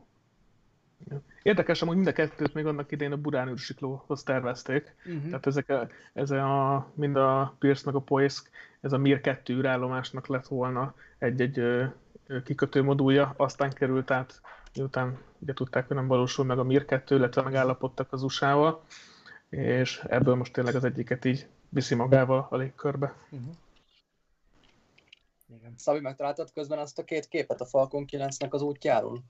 Nem, nem, valahova eltettem. Adj, adj, adj még egy fél pillanatot és megtalálom, mert tudom, hogy nagyjából itt kell legyen valahol, csak annyit pakolgattam ezeket a fotókat, hogy Mert el tudom küldeni Facebookon közben, és akkor jöhet, úgy biztos meg lesz. jöhet, jöhet. Uh-huh. Ez az első, Hmm, nem találom. Meg megy a másik is. Jó, egy fél pillanat. Ezt gyorsan ki is teszem, és akkor ez... Mert ez annyira, tényleg annyira látványos, annyira jól néz ki, ö, hogy megéri megmutatni. És ahogy beszéltük is, amúgy Falcon Heavy indításra is használható, mert ugye Falcon Heavy indításoknál a két side booster, tehát a két szélső gyorsító Falcon 9-es azok mindig ugye szárazföldre térnek vissza, bár van olyan opció is, hogy a tengerre is visszatérhetnek, Mhm. csak még nincsen annyi drónhajója egyelőre a SpaceX-nek, hogy ö, mind a három fokozatot a tenger, tengerről tudják visszahozni. De ha jól tudom, már építik a harmadikat, és csak Igen, elfelejtettem, hogy mi a neve. Egy nagyon fura neve van annak is, mint Um, az előző kettőhöz. Miért is lenne normális, hát végül is a SpaceX-ről beszélünk, úgyhogy... De igen, De az egyébként, érdekes lenne egy olyat látni, egy hármas leszállás tengerre. Hát bocsánat. szerintem egyébként mivel... Short Fall of Gravitas az a harmadik. És tényleg, soha, tényleg, tényleg, tényleg, tényleg. Igen. Szóval, hogyha a Falcon Heavy elnyeri ugye a, a amerikai légierőnek a küldetéseit később, akkor, akkor azért nagyon nehéz rakományokat kell majd az űrbe juttatnia, és, és akkor előfordulhat, hogyha mind a hármat, mind a három első fokozatot vissza akarják hozni, akkor az csak úgy lehetséges, hogyha mind a három a tengeren lévő drónhajóra fog leszállni, vagyis óceánon, bocsánat, óceánon várakozó drónhajóra száll le majd. Uh-huh. Úgyhogy ez, ezért mindenképp uh, még egy drónhajót kell építeni a SpaceX-nek, és akkor igen, hát ez, ez már igazából in progress magyarul, magyarul angolul, tehát folyamatban van. Úgyhogy igen, az mondjuk, az mondjuk brutál látvány, látvány lesz, amikor két, a két oldalsó fokozat egyszerre visszatér a két külön drónhajóra majd, és majd remélhetőleg a középső első fokozat is utánuk jön. Igen. Úgyhogy, Látványos lesz, az biztos. hát hiszem, hogy pár éven belül erre sor kerül. Ha jövőre még nem is, de talán 2022-ben már sanszos. Igen. Na, de hát, ahogy említettem, és ahogy ígértem, a mai nappal sem menekültök meg nemzetközi űrállomás képektől. Eh, Kettő darabot szeretnék akkor mutatni rettentő gyorsan, még mielőtt átevezünk a, a Starship építés részleteire. Azt mondja, hogy ez az egyik, ez pedig egy fél pillanat, kis türelmet kérek. Így. És ö, mert hogy azért ezek tényleg, én megmondom őszintén, én hál' Istennek láttam már életem során egy pár nemzetközi űrállomás felvételt, de ez, ez tényleg alapvetően viszi a pálmát mindenféleképpen. Jó, tehát ez a felvétel egészen pontosan, tehát Hawaii-ról készült egy 1,6 méteres távcsővel, eh, adaptív optikával. eh, Aki látott már hasonlót, azt az, az, az nem mond igazat, vagy az amerikai légierőnek dolgozik. Tehát konkrétan ilyet, ilyen felvételt nem nagyon lehet látni túl sűrűn. Ide is van írva, hogy Public Affairs Release Approval, tehát eh, magyarul eh, a, a nyilvánosságra hozatalát jóvá hagyta. Az AMOS, ez most hirtelen nem tudom, le van írva valahova, hogy, eh, igazándiból mit jelent. Az a lényeg, hogy ők konkrétan eh, mindenféle dolgot követnek fent az égbolton. Na most én elmentettem egy beszélgetést, valaki azt írta ezzel kapcsolatban, hogy az Iridiumnak dolgozott ez az úr, és azt írja, aki, akik az Iridium műholdakat készítették, és azt írja, hogy volt egy olyan szituáció, nem ír időpontot, semmi konkrétumot, ö, hogy volt egy olyan szituáció, amikor az egyik Iridium műholdjukkal probléma volt. És leszóltak Hawaii-ra, hogy nézzetek már rá, és konkrétan visszaküldtek egy kristálytiszta felvételt, amin látszott, hogy, egy, hogy, a, hogy az egyik borítás félig le van válva. Wow. Tehát itt konkrétan olyan optikáról beszélünk, ami, ami, ami egyszerűen észbontó. Tehát, ilyen, tehát most nézzétek meg, tehát itt a Crew Dragon, tehát konkrétan látszik ugye a trunk, tehát a csomagtartó része, olyan apró részleteket meg lehet rajta figyelni, hogy egyszerűen az embernek égnek áll a haja. Itt a Quest Airlock, ez, az, ez a légzsilip, innen jönnek ki például. Akkor itt van a Beam, a felfújható modul. Még a kupola is látszik, konkrétan van négy darab fekete kis pötty, ez azt jelenti, hogy valószínű, hogy négy darab ablak van nyitva. Ami megint csak olyan részlet, ami hihetetlen, de tovább megyek. Ez itt a HTV, és a HTV alján van négy darab fúvóka. És abból három látszik. Na most, tehát ezek, ezek olyan szintű részletek, ami, ami, ami egyszerűen ész, észbontó. És ugye ezt összevetve egy, eh, mondjuk az én fotómmal, itt van alul ez a távcső, amivel készült, meg ugye legfontosabb maga a mechanika, ami ezt az egészet követi, meg ugye itt van az enyém. És hát, majdnem olyan Majd rossz. egyszer neked is lesz ilyened. Úgy mondom inkább, hogy majdnem olyan rossz felvétel, mint az enyém. Amúgy, amúgy Szabi, azt, azt hiszem annak idején még az a űrsikló programban például ez a Hawaii ö, teleszkóp például az űrrepülőgépnek a, a hasát is Igen. ö, sokszor lefényképezte ugye a hővédő csempéknek a Igen. sérülékenysége miatt. Tehát már akkor is, akkoriban is használták, de eszméletlen képek amúgy. Igen, de egyébként érdekes módon, ahogy ezt a fotót megosztottam min- ö, a, nemzet, tehát a különböző fórumokon, különböző közösségi média oldalakon, majdnem mindenhol kaptam olyan hozzászólást, hogy, hogy, hogy leszóltak nekik, hogy a Kolumbiát nézzék meg, és, és valamiért nem nézték meg. Na most, hogy ez, hogy ez csak egy városi legenda, vagy ez tényleg olyat is hallottam, hogy pont olyan szögben állt, hogy, a, hogy maga a zsilipajtó ö, oldala látszott, nem pedig a hasa, ezért nem tudták megfigyelni, szóval nem, nem igazán tudom, hogy mi a, mi a valós történet, de abszolút, tehát van olyan felszerelésük, amivel majdnem bármilyen alacsony föld körüli pályán lévő objektumot könnyűszerrel meg tudnak, olyan szinten, olyan felbontása, hogy, hogy őrület. Tehát egy pixel nem is tudom mennyit jelenthet. Tényleg méterekről beszélünk, vagy centiméterekről egyébként. Tehát ez már, ez már tényleg a, a csúcsa. Úgyhogy ezt És a... Ezt, két, 250 kilométeres magasságról beszélünk, azzal nem az van, hogy mondjuk egy 10 emeletes háznak a tetejéről kell lefotózni valamit, hanem ez picit följebb van. Abszolút, abszolút. És lehet, hogy még akkor még annyi időt adjatok, hogy a Starship előtt, még mielőtt tényleg abba belevágnánk. Én megosztottam má- egy másik videót a csoportunkban, ami konkrétan a Hope küldetéshez kapcsolódik, és nagyon gyorsan megkeresem az idővonalunkon, mert az is valami őrületes felvétel, és ha elmondom a részleteit, akkor szerintem nagyon sokan meg fogtok lepődni azon, hogy egyáltalán ilyen hogy ilyen létezhet. Tehát eh, egy nagyon jó ismerősöm, akik egyébként itt eh, Nyugat-Londonban tevékenykednek, itt van. Akik Nyugat-Londonban tevékenykednek, ők ö, készítettek egy felvételt a Hope-ról. Egészen konkrétan, elolvasom gyorsan, hiszem ö, 20 percen keresztül tudták, ö, igen, az indítás után két órával, 20 percen keresztül figyelték meg konkrétan a Hope űrszondát, és mutatok, mutatom nektek konkrétan a, a videót is.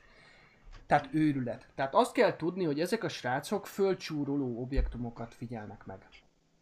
Konkrétan az egyik srác fotóz, a másik srác pedig matematikus, és ő az, aki kiméri ezeknek a pályáját. Na most ők azért nem az űrállomás távolságában lévő objektumokat figyelnek meg, hanem más dolgokat. Na most itt, amit láttok, ez elvileg a második fokozata az űrhajónak. És ugye egyszer szépen, tehát ez, ez, ez, ezek több felvételt készítenek, és akkor ez a folyamatában mutatja.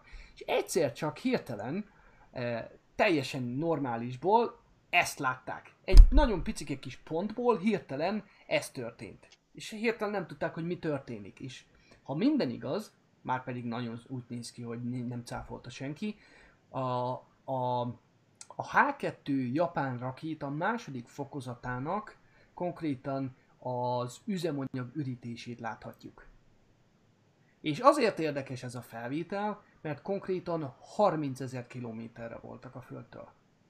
Na most azt, hogy egy 8 cm-es Ricci Chrétien, eh, azt hiszem jól mondom a nevét, típusú távcsővel egy 30 ezer kilométer távolságra lévő objektumot így megfigyelni, és hogy valaki ilyen szerencsés legyen, hogy egy ilyen eseményt elkapjon, tehát ehhez tényleg valószínű, hogy lottóznünk is kellene, mert körülbelül ugyanennyi az esélye egyébként, hogy pont akkor voltak kint, pont az alatt a 20 perces időintervallum alatt bekövetkezhetett egy ilyen esemény.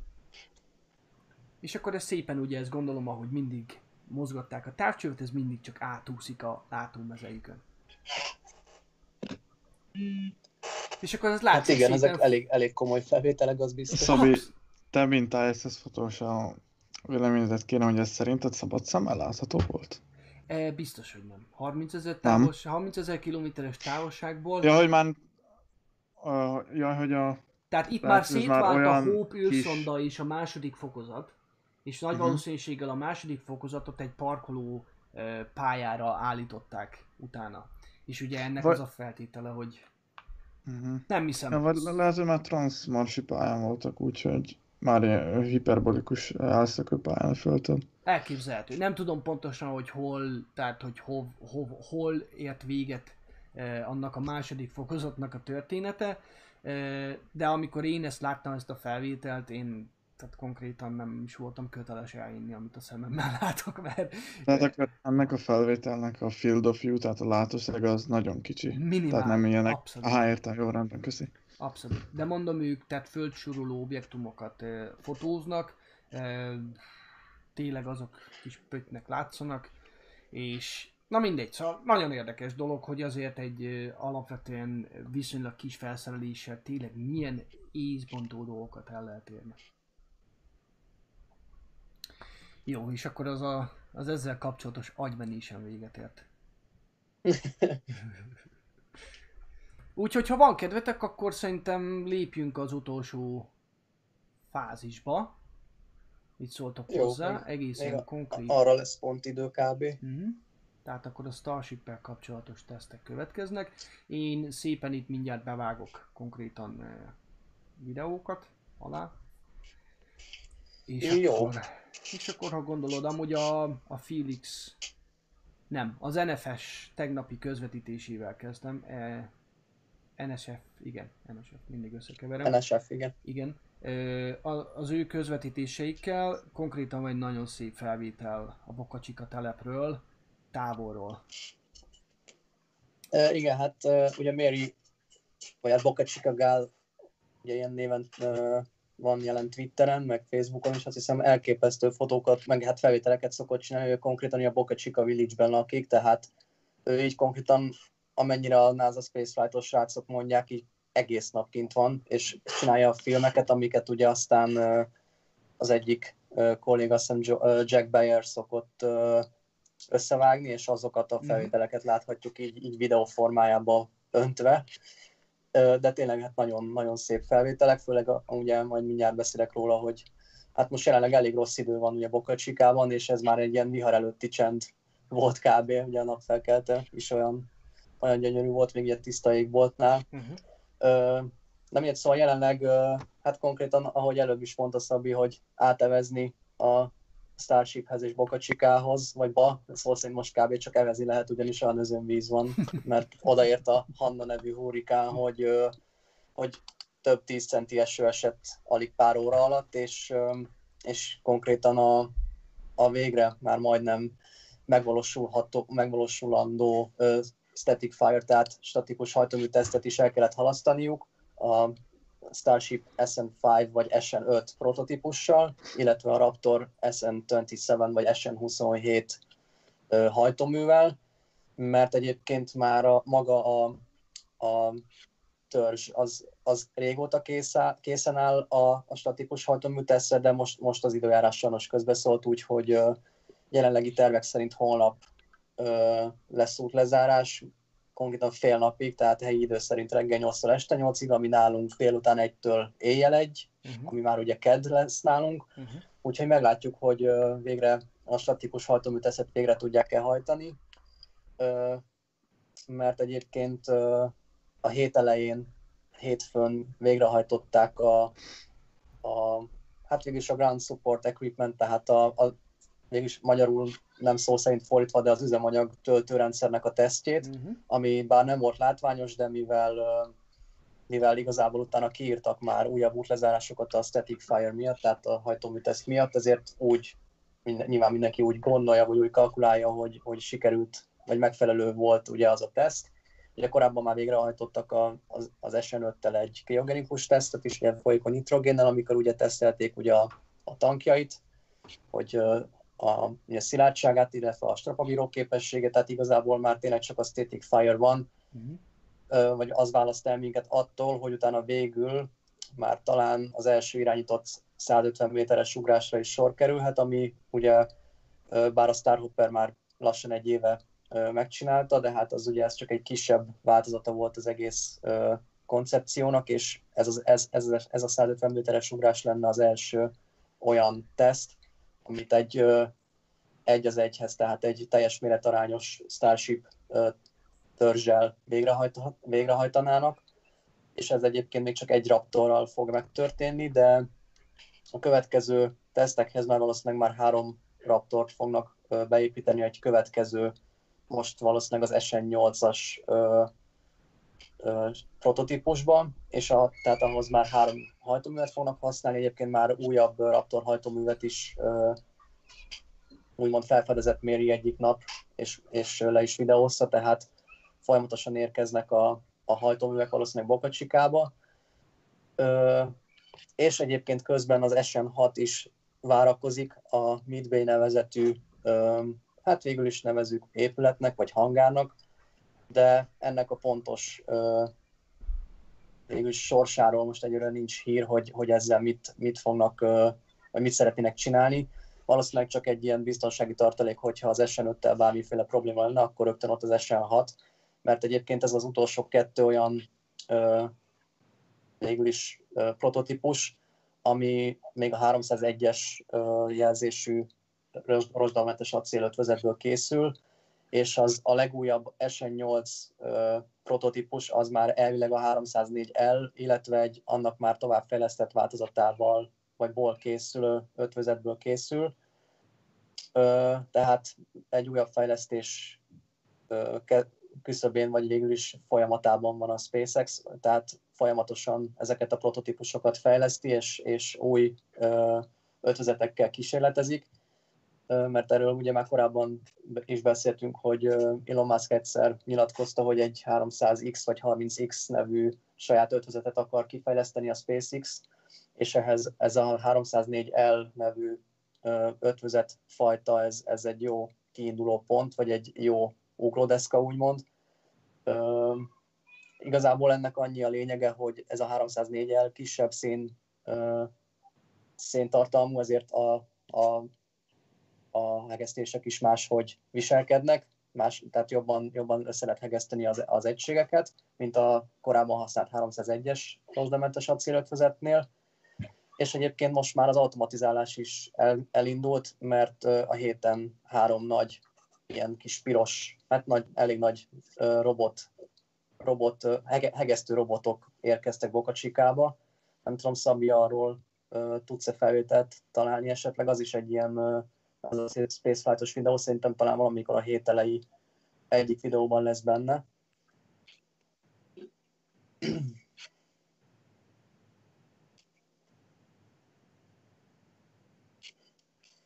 uh-huh. Ja, persze, nyilván ezek is nagyon jó felvételek.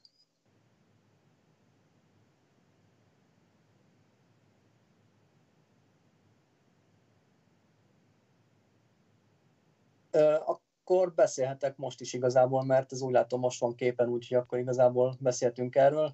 Tehát ugye egyrészt, egyrészt magának a, maguknak a prototípusoknak az építése is zajlik, de igazából még magának az egész komplexumnak a fejlesztése és, és terjeszkedése is zajlik hiszen az indítóállásnál, ahol jelenleg is áll az SN5, mellette építik, vagy hát már meg is van építve a, az, e, a, a Starshipnek, tehát az SN5, vagy akár a későbbi prototípusoknak is ugye a, landing zone, tehát a landolási zónája, illetve amellett már épül a Super Heavy, tehát a, a Starship Super Heavy rendszernek a hordozó rakétájának a, az indítóállása, és amellett egyébként a landolási zóna is, tehát elképesztő ütemben ö, zajlik a fejlesztése az intoválás résznek is, illetve magának a gyártási rész, résznek is, hiszen most már ö, az úgynevezett High Bay, tehát a, az, a, az az épület, ahol a Super Heavy-nek a, a törzsét fogják összeszerelni, vagy összeilleszteni az egyes részeit,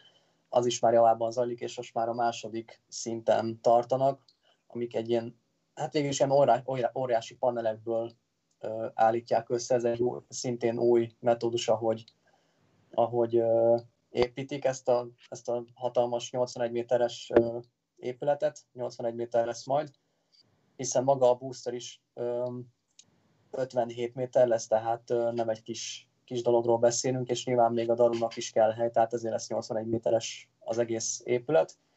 De hát óriási lesz főleg így a, a texasi sík, majd ki ö, emelkedve, úgyhogy, ö, úgyhogy tényleg szédületes tempóban fejlődik, vagy hát fejlődik az egész ö, gyártási részleg is, illetve magának az épület, épület, épületnek a, az építése. Nagyon jó.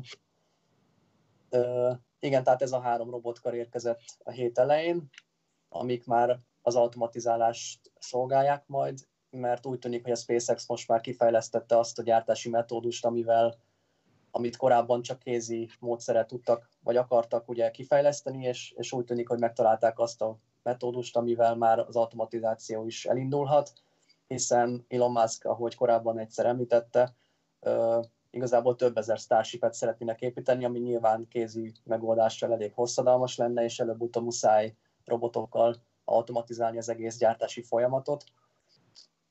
Úgyhogy jelenleg ez a három robot már megérkezett Bokacsikába, de valószínűleg későbbi, későbbiek folyamán még továbbiak fognak érkezni. Úgyhogy igen, tehát, tehát szinte felsorolni is nehéz, hogy milyen őrületes tempóban zajlik zajlanak az építkezések Bokacsikában. Tehát még egyszer így igazából, ami a legfontosabb, meg legközelebbi esemény az valószínűleg, vagy hát remélhetőleg holnap a statikus hajtómű teszt az SN5-tel, uh-huh. és ha az sikerül, akkor, akkor, akkor arra pár napra rá valószínűleg már, már a 150 méteres ugrásra is sor kerülhet. Hm. Úgyhogy azt hiszem ennyi ennyi, amit, amit így most jelenleg össze tudok foglalni. Esetleg a, a High Bay, arról tudok most betenni videót. Ja igen, igen, akkor azt még mutassuk meg, mert az, mm-hmm. mert az, az, az nagyon érdekes, ahogy úgynevezett, van egy, van egy ilyen nagyon magas daru, hogy Bluezilla neve, nevű, ezt a becenevet, becenevet adták a darunak, mert tényleg iszonyat magas. És iszonyatosan kék. és nagyon kék, nagyon magas és nagyon kék. És hát brutál teherbírása van, tehát valami 18 ezer tonna teherbírása van, úgyhogy, úgyhogy azért nem egy, nem egy kis eszközről beszélünk.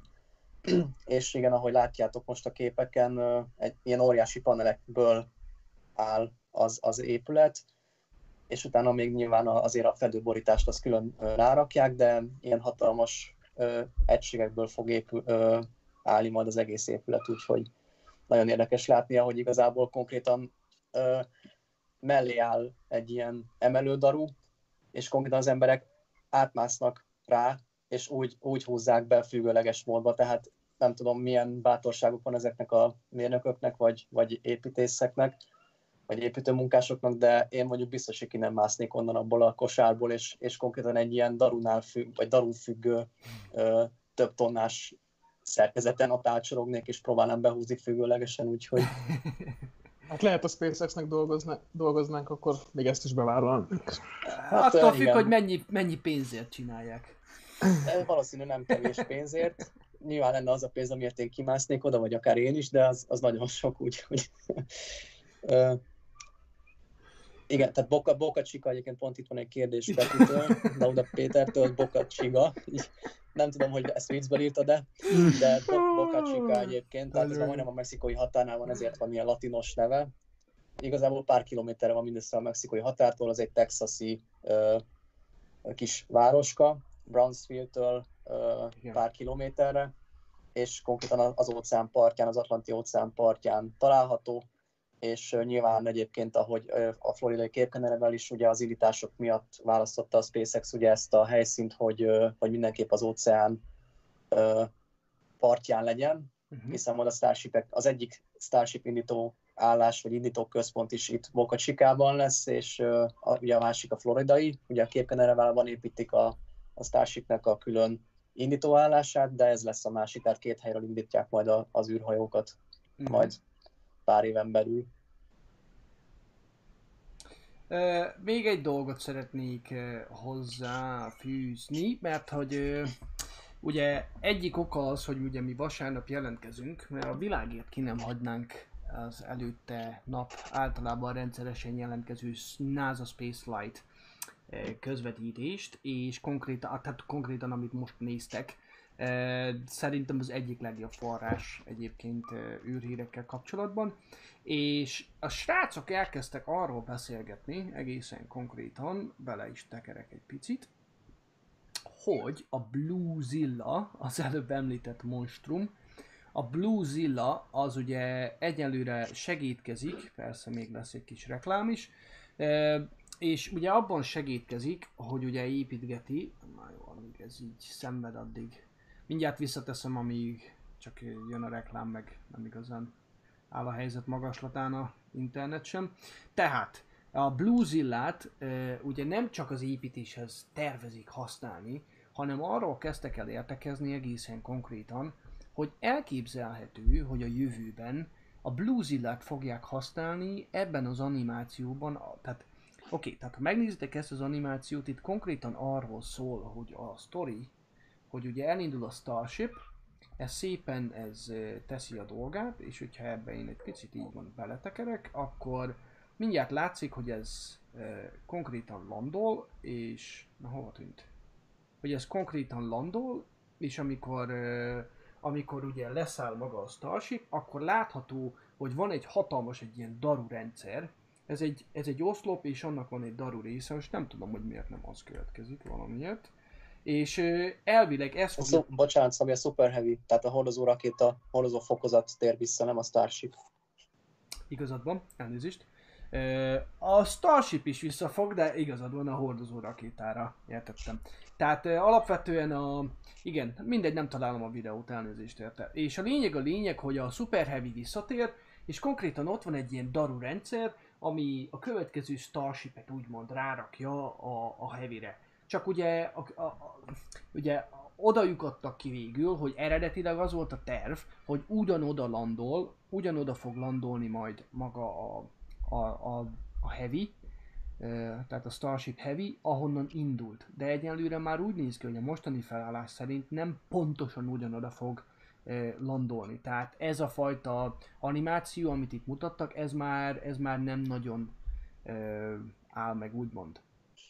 De a lényeg a lényeg, hogy úgy néz ki, hogy a pakolgatást, tehát a Starship-et, a, a, a, boost, a Heavy, heavy booster, booster, Heavy Booster, Booster Heavy, kicsit össze vagyok zavarodva. ma. Super Heavy. Super Heavy, valamiért össze vagyok Super zavarodva. Heavy Booster. tehát a Super Heavy-re ma ez a Bluezilla fogja rátenni. Mert, mert azt mondják, hogy alapvetően e, a kapacitásban tökéletesen megfelel, méretben tökéletesen megfelel. Most a kinézet az egy dolog, lehet, hogy a jövőben ezt majd egy kicsit fejleszteni fogják, de alapvetően van egy olyan eszköz a kezükben, ami tökéletesen el tudja végezni a munkát. És azért azt tegyék hozzá, hogy túlságosan sok eszköz a világon nem létezik, ami képes lenne egy Starship-et a boosterre helyezni. Tehát a gyorsító hát- fokozatra. Össz, összesen egy 122 méteres kis szösszenet lesz az egész, Mhm. Hogyha egymásra teszik, ugye, a, tehát a hordozó fokozatra teszik magát a Starship-et, tehát Mhm. a második fokozatot, úgyhogy ehhez azért kell egy akkora daru, ami, ami nyilván legalább ilyen 140-150 méterre ugye fel tudja emelni a, a Starship-et, hogy aztán vissza ö, megfelelő magasságból tudja leengedni a boosterre, úgyhogy ö, Igen. mindenképp egyébként ö, praktikus lenne ezt a darut ö, használni, aztán nyilván fogják egyébként szépítgetni, vagy, vagy valami hasonlót majd oda fognak helyezni, de, de Mhm. nyilván egy, legalább egy ekkora darúra lesz szükségük. Igen. Igen. Először építsük meg az egész. Működjön a Starship, működjön a Super Heavy, utána lehet arról szó, és tökéletesíteni Mhm. majd az évek során, hogy ugyanoda szálljon le, megtankolják, menjen vissza, egyelőre az egész rendszer működjön, és Igen. akkor utána majd. Igen. Hát igen, de ha belegondolunk, hogy egy éve volt csak a Starhoppernek, még egy éve sem volt, ugye szeptemberben lesz az első évfordulója, hogy a Starhopper ugye a 150 méteres kisugrását végrehajtotta, ahhoz képest tehát egy éven belül is akkora fejlődést értek már el, hogy, hogy szerintem két-három éven belül ez a, ez a rendszer ez működőképes lehet. De meglátjuk majd. Igen. Eh, ahogy ezeket az animációkat néztem, akaratlanul is a... Mi jutott az eszembe? Az N1 rakéta. A napokban láttam, most gyorsan keresem, mert szerintem meg is osztottam valahol. A napokban láttam egy feljavított verziót az N1 rakéta indításról. Valaki kiszínezte és azt a, azt a kezdeti pár másodpercet, nem fogom persze megtalálni, mert szükség lenne rá, de valami észöztően gyönyörű videó, és valahogy akaratlanul is az N1-es rakéta jutott eszembe, hogy, hogy ők voltak talán, talán a legközelebb ehhez, hogy egy, hogy egy ilyen kaliberű rakétát építsenek, mint, mint maga ez a Starship. Tehát, hogy összesen 30 Hát egy 31, hajt, 31 ö, raptorja lesz a Super Heavy-nek, és, és jelenleg, a jelenlegi ö, tervek szerint 6 6, így a van. Starshipnek. 6 Tehát széleről, ez- meg 6 vákum. Három, három színevel, három Három. vákum, igen. Igen, igen, igen. Úgy jön ki a hat. igen, igen. Matekból sose voltam jó. Összesen jelenleg 30, 37 ö, Raptor lesz összesen az, a teljes rendszeren, vagy rendszerben, de, de ez még lehet, hogy változhat, mert egyébként Elon Musk az, az eléggé változtatja jelenleg még a koncepcióját ennek a, a rendszernek, de, de lassan azért már körvonalazódik, hogy, hogy mire is számíthatunk, mert előbb-utóbb nyilván azért véglegesíteni kell, hogy aztán majd a sorozatgyártásnál már, a, a, akkor már, akkor már azt szerint zal, ö, menjenek a munkák, meg Igen. a folyamatok, úgyhogy Igen, összehasonlításképpen a N1-esnek első fokozatán 30 darab hajtómű volt. Uh-huh. Úgyhogy igen, szám, róla számban hasonló. Felvételt. Igen, Igen, az N- N1-nél, ami nagyon nagy probléma volt a kevés pénz, természetesen. Ugye nem is tudták, és soha nem is gyújtották be az összes hajtóművet tesztelés céljából, hanem csak is indításnál. uh-huh. Ugye ezért is bukott meg a program, mert ugye kevés pénz volt rá, nem volt lehetőség egybe tesztelni. igen. Szóval meglátjuk, hogy a, a SpaceX hogy fog ezzel haladni, de nekik már jó tapasztalatuk van ugye a 27 Merlin igen. hajtóműnél például, a, ugye a Falcon Heavy-nél, de nagy kihívás lesz. Hát eszméletlen látvány lesz, hogyha begyújtják azt a 30. Hát az biztos. 31. Az biztos. Bár hát ahhoz nem tudom mekkora tömeget kell a levegőbe emelniük, hogy mind a 31 jetbe kelljen nyújtani, lehet, hogy nem is lesz rá szükség, és, de hát az biztos, hogy őrületes látvány lesz, meg hát tényleg olyan erő hatások lesznek, hogy nem tudom, hogy milyen épület fogja azt kibírni, vagy milyen indít- indítóállás, de, Igen. de kegyetlen erőhatás lesz, amikor a 31 Raptor hajtómű ott egyszerre ö, beindul, szóval Hát ehhez Texas, állam, fogható, Texas ez állam az, egy picit elmozdul a kontinenstől. nagy valószínűséggel ez az egyedüli rakéta, meg a Saturn 5 ami egyébként Igen. A közelébe ér. És, és ugye az a, az a sajnálatos, most ugye láthatjátok meg a kedves nézők is, hogy, hogy, hogy, hogy sikerült elindítani alapvetően magát a rakétát. Tehát nem az volt, hogy egyből felrobbant, hanem azért megtett egy bizonyos távolságot. Konkrétan mutatják 69 7 hó harmadika, ha jól értelmeztem a felvételeket. És tényleg, bárhogy is nézzük, ez a rakéta állt legközelebb ö, a, a Starshiphez. Tehát felépítésébe, a, a, a, meghajt, a hajtóművek számát tekintve, ugye bárhogy is nézzük, azért a, a, a Saturn 5-nek 5 hajtóműve volt, 5 darab F1-es hajtóműve volt. És És azért, hogyha, más igen, és hogyha ott elszáll egy, azért oké, okay, értem, hogy kevesebb, vagy gondolom kisebb kihívás volt. 5 darab óriási hajtóművet irányítani, mint 31 kisebbet. Hát igen, viszont ugye a Saturn 5-ösnél ugye a nagy fúvókák miatt, ugye hogy csak 5 darab van, ugye ott a most nem tudom pontosan, hogy mondják magyarul, ugye a combustion, tehát az égést Mhm. kontrollálni, az volt egy hatalmas kihívás, ami a- a szovjeteknek nem ment. Igen, igen, igen. A USA-nak ugye sikerült, de hát az is majdnem egy évtized volt, mire sikerült ugye biztonságosan üzemeltetni Uh-huh. a, az F1-es hajtóműveket. A szovjetek viszont ugye jobbak voltak a kisebb hajtóművekben, ezért kellett ilyen sok. Ami probléma volt, hogy ezeket a hajtóműveket sem tudták soha százszerzalékosan tesztelni, tehát Igen. elvileg úgy volt, hogy volt egy sorozat hajtómű, amit legyártottak, és akkor kiválasztották például a legjobbakat, és akkor azt rakták az N1-re. De teljesen tesztelni nem tudták például az összeset. Illetve maga még a, tehát a hajtóműveket üzemeltető rendszerrel voltak problémák, amely több balesetet is okozott, hogy leállította a hajtóműveket, nem megfelelő jelet kapott, és, és a többi. Igen. Igen. De hogy még a előbbi előbb mondtad, hogy milyen tömeg kell ahhoz, hogy bekeljen mind a 31 hajtó egy új témát a Starship-en. Hát vannak olyan tervek, hát nem is tervek, ez biztos, hogy akár 4 vagy 500 darab Starlink műholdat is egyszer majd tudnak indítani vele.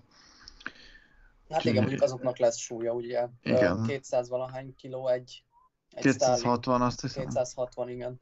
Úgyhogy ha abból ilyen 3-400-at bepakolnak, azért az, az nem Hát ez dögivel, úgyhogy azt addig fogják szerintem tömni a Starship-et, ameddig csak lehet. Ilyen 78-80 tonna, úgyhogy azért ahhoz kell erő, hogy megmozgassák.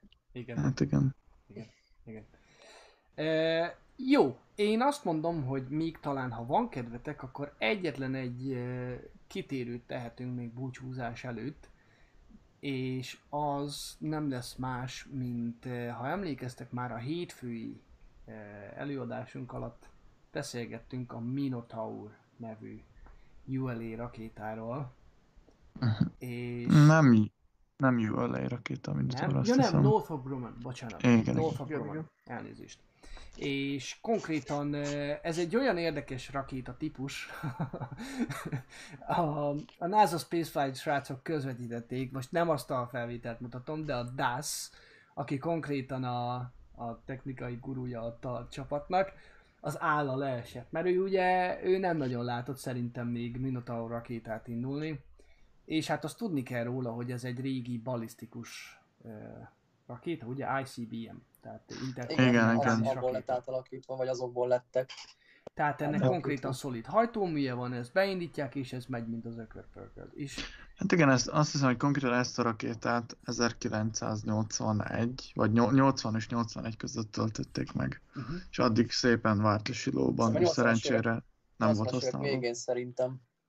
Ezt, ezt ami éppen leg, legutóbb indult, ez azt hiszem 88-89 körül töltötték fel, és azóta várt konkrétan feltöltve, hogy elindítsák. wow. Persze nyilván nem az indítóálláson, de tényleg így brutál, hogy így kilő, mint egy csúszni golyó szó szerint, úgyhogy Na most az a szép az egészben, és itt segítsetek ki a, ugye a matekot már ezt tisztába tettük, hogy sose volt az erőségem, de azt tudom jól, hogy ez a rakéta konkrétan, csak hogy összevessük itt a, oké, okay, nem összevethető egy normális, mondjuk egy, egy, egy F9, egy, egy, na, egy Falcon 9-es rakétával mondjuk, de a Falcon 9-es rakétának mennyi idő kell, míg eléri a hangsebességet?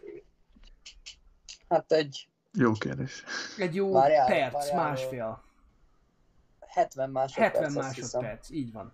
Tehát kicsit több, mint egy perc. Igen, na most ez azt hiszem 17 másodperc alatt éri Igen, el a hangsebességet, és konkrétan a 70 másodpercnél, ami, ami idővallunk kell ahhoz, hogy a Falcon 9-es hangsebességre gyorsuljon, ott már négyszeres hangsebességgel hasít. Oké, okay, ezért mondom, nem lehet össze, összevetni a kettőt, természetesen, meg ugye ez a természetéből adódóan, ugye ennek ez a lényege, hogy hasítson amennyire csak lehet, amilyen Igen. rövid idő alatt csak lehet. Eh, Ez ugye a Scott Mellinek a videója, ami éppen megy, és ugye ő kivesézi ezt az egész Minotaur rakéta dolgot, de eh, csak gondolta, hogy megmutatjuk, mert, mert ez, ez, ez teljesen nem hétköznapi. Valaki egy kicsit Igen, hát szörög. például a- ahogy megszakadtak a Falcon 9 indításoknál, miután leáll az el- első fokozat, a első fokozati hajtónak leállnak. Srácok, valaki, stage. valaki, valaki szerintem nagyon gépel. Bocsánat, én voltam, befejeztem. Utána jön a staging, és még egy pár másodpercet vár, amíg ö, begyullad a második fokozati Mhm. hajtómű. Uh-huh. Ez például a Minotaurnál úgy van, hogy uh, azt hiszem hot staging mechanikát alkalmaznak, tehát még leválás előtt begyújtják a következő fokozatot, hogy a lehető legkevesebb időt veszítsenek, ami elég durva. Igen. Igen, igen, igen. És semmi, semmi uh, felesleges uh, repülés nincs. Igen. Igen, igen. Igen, érdekes, érdekes megoldás mindenféleképpen. Hát Még- nem ülnék a tetejére, az biztos. Hát igen, amilyen GR-ök lehetnek ott, az valami katasztrófa. Igen, közben uh, Duda Péter írja, hogyha rá, rá akartok keresni a Google Earth-ön, akkor utána, tehát a Boca Chica-ra, akkor utána kell írni, hogy Village, uh, mert a sima Boca Chica a Dominikai Köztársaságba visz. Only visz. Ilyen köz, köszi szó szerint is, vagy ö, szóban is Péter, írtam írásban is, hogy igen, tehát aki, aki csak Bokacsikát ír be, az, az nem azt a Bokacsikát fogja megtalálni, miről mi beszélünk, mert valóban ez Village, Bokacsika Village a hivatalos neve. Igen, ha pedig Boca Csigát írtak, akkor meg biztos, hogy nem találjátok meg. Lehet, hogy van egy ilyen csigafaj, én nem tudom, de Jó van. Akkor szerintem a mai, a mai webcastunk végéhez értünk, nagy valószínűséggel.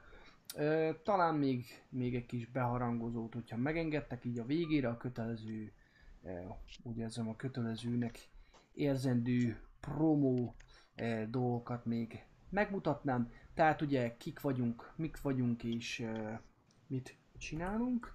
Ugye, tehát akik hozzájárulnak ehhez a közvetítéshez, azok egyrészt a Space Junkie srácok, ö, konkrétan négyen vannak. A srácok mindenképpen kövessétek őket Facebookon, vagy pedig spacejunkie.hu ö, weboldalon.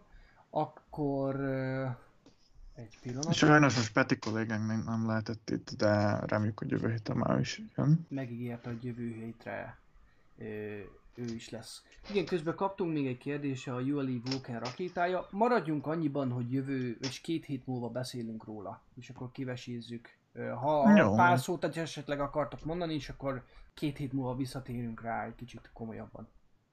épül. Épül a Tori Bruno, az folyamatosan Röviden, épül. Twitter. Röviden tömören épül. De igen, igazából akkor jövő, jövő alkalomra meg is van az egyik témánk, Uh-huh. Uh-huh. Jó, jó. úgyhogy köszi Benedek akkor a, az ötletet. Így Már van. meg Egy, is, meg is van az egyik. Egyébként, ha a jövőben van, van hasonló kérésetek egyébként, olyan témákat esetleg találtak, amiről szeretnétek, hogy beszéljünk, és mondjuk még van időnk felkészülni rá, akkor egészen nyugodtan ö, ö, esetleg vagy a videók alá, vagy pedig csak ö, vagy a Space Junkie ö, Facebook oldalon, vagy pedig az űrutazás űrhajók csoport, amit láttok most éppen a képernyőn, ö, vagy pedig itt csatlakozzatok, és akkor itt ö, megírhatjátok egész nyugodtan, hogy milyen témákat szeretnétek hallani tőlünk, és amit néztek, az pedig a, az űrutazás űrhajók YouTube csatorna, mert van ilyen is, Hogyha tervezitek esetleg a csatlakozást, akkor mindenképpen eh, a feliratkozás után eh, van egy kis csengő jel, és, az, és abból a, a, az all, vagy pedig a mind, nem tudom magyarul milyen Összes, összes, összes. Összes. ö, opciót válasszátok. A két heti, két hét nem, a hétfői közvetítésünk után, képzeljétek el egyébként, ezt srácok szerintem nektek sem mondtam, a csillagászat kedvelők csoportban egy nappal később, írták többen is, hogy egy nappal később kapták az értesítést, hogy élők leszünk és jön az élő adás.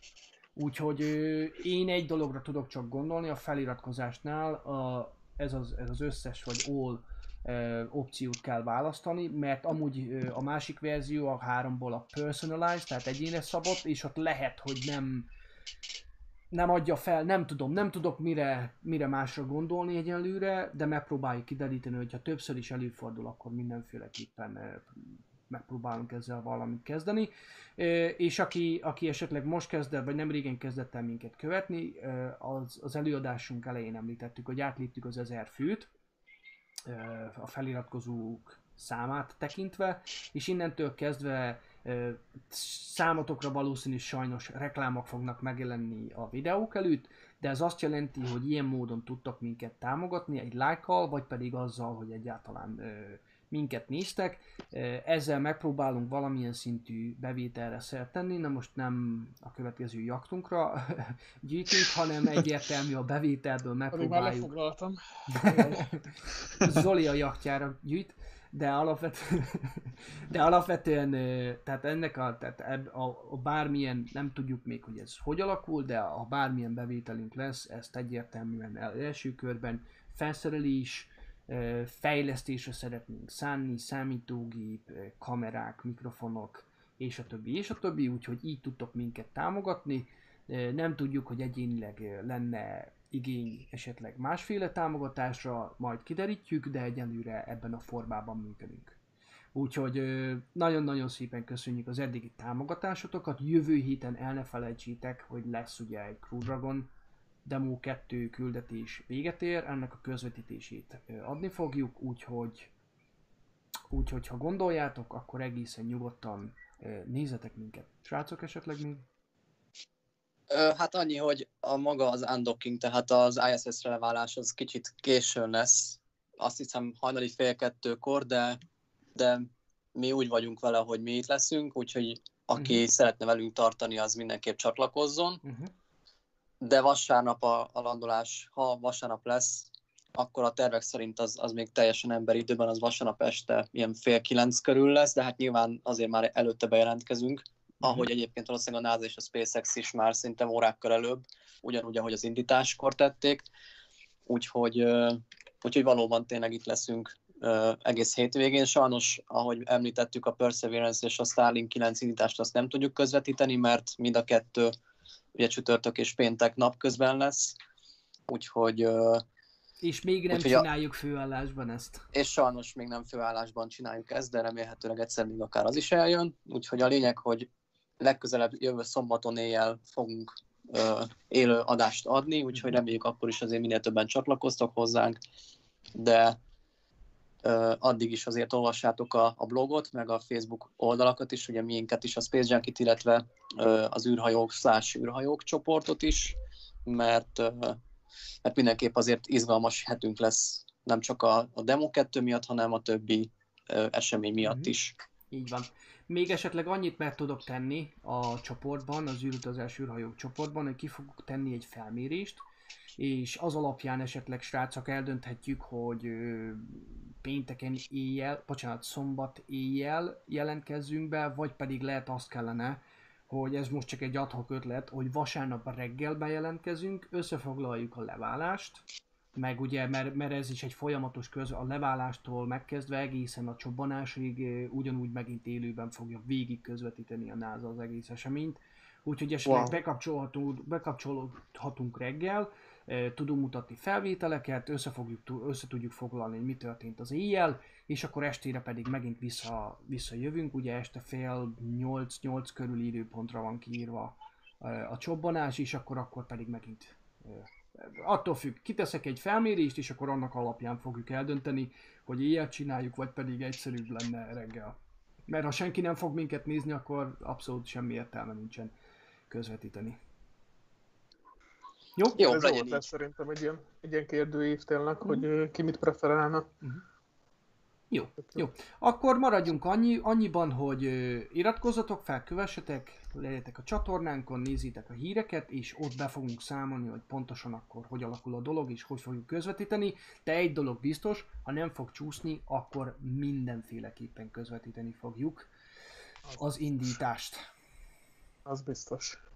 Úgyhogy akkor szerintem a mai webcastunk Érkezés.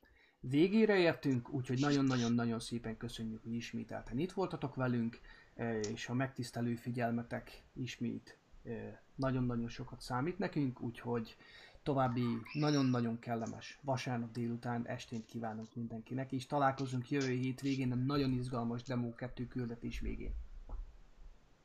Így van. Köszönjük Jó, szépen jó mi is a figyelmet. lesz. Vigyázzatok Köszönjük a magatokra figyelmet és jövő héten. Uh-huh. Sziasztok! Hello, hello! Szép Hello, hello, estét mindenkinek, hello, hello. sziasztok! Sziasztok!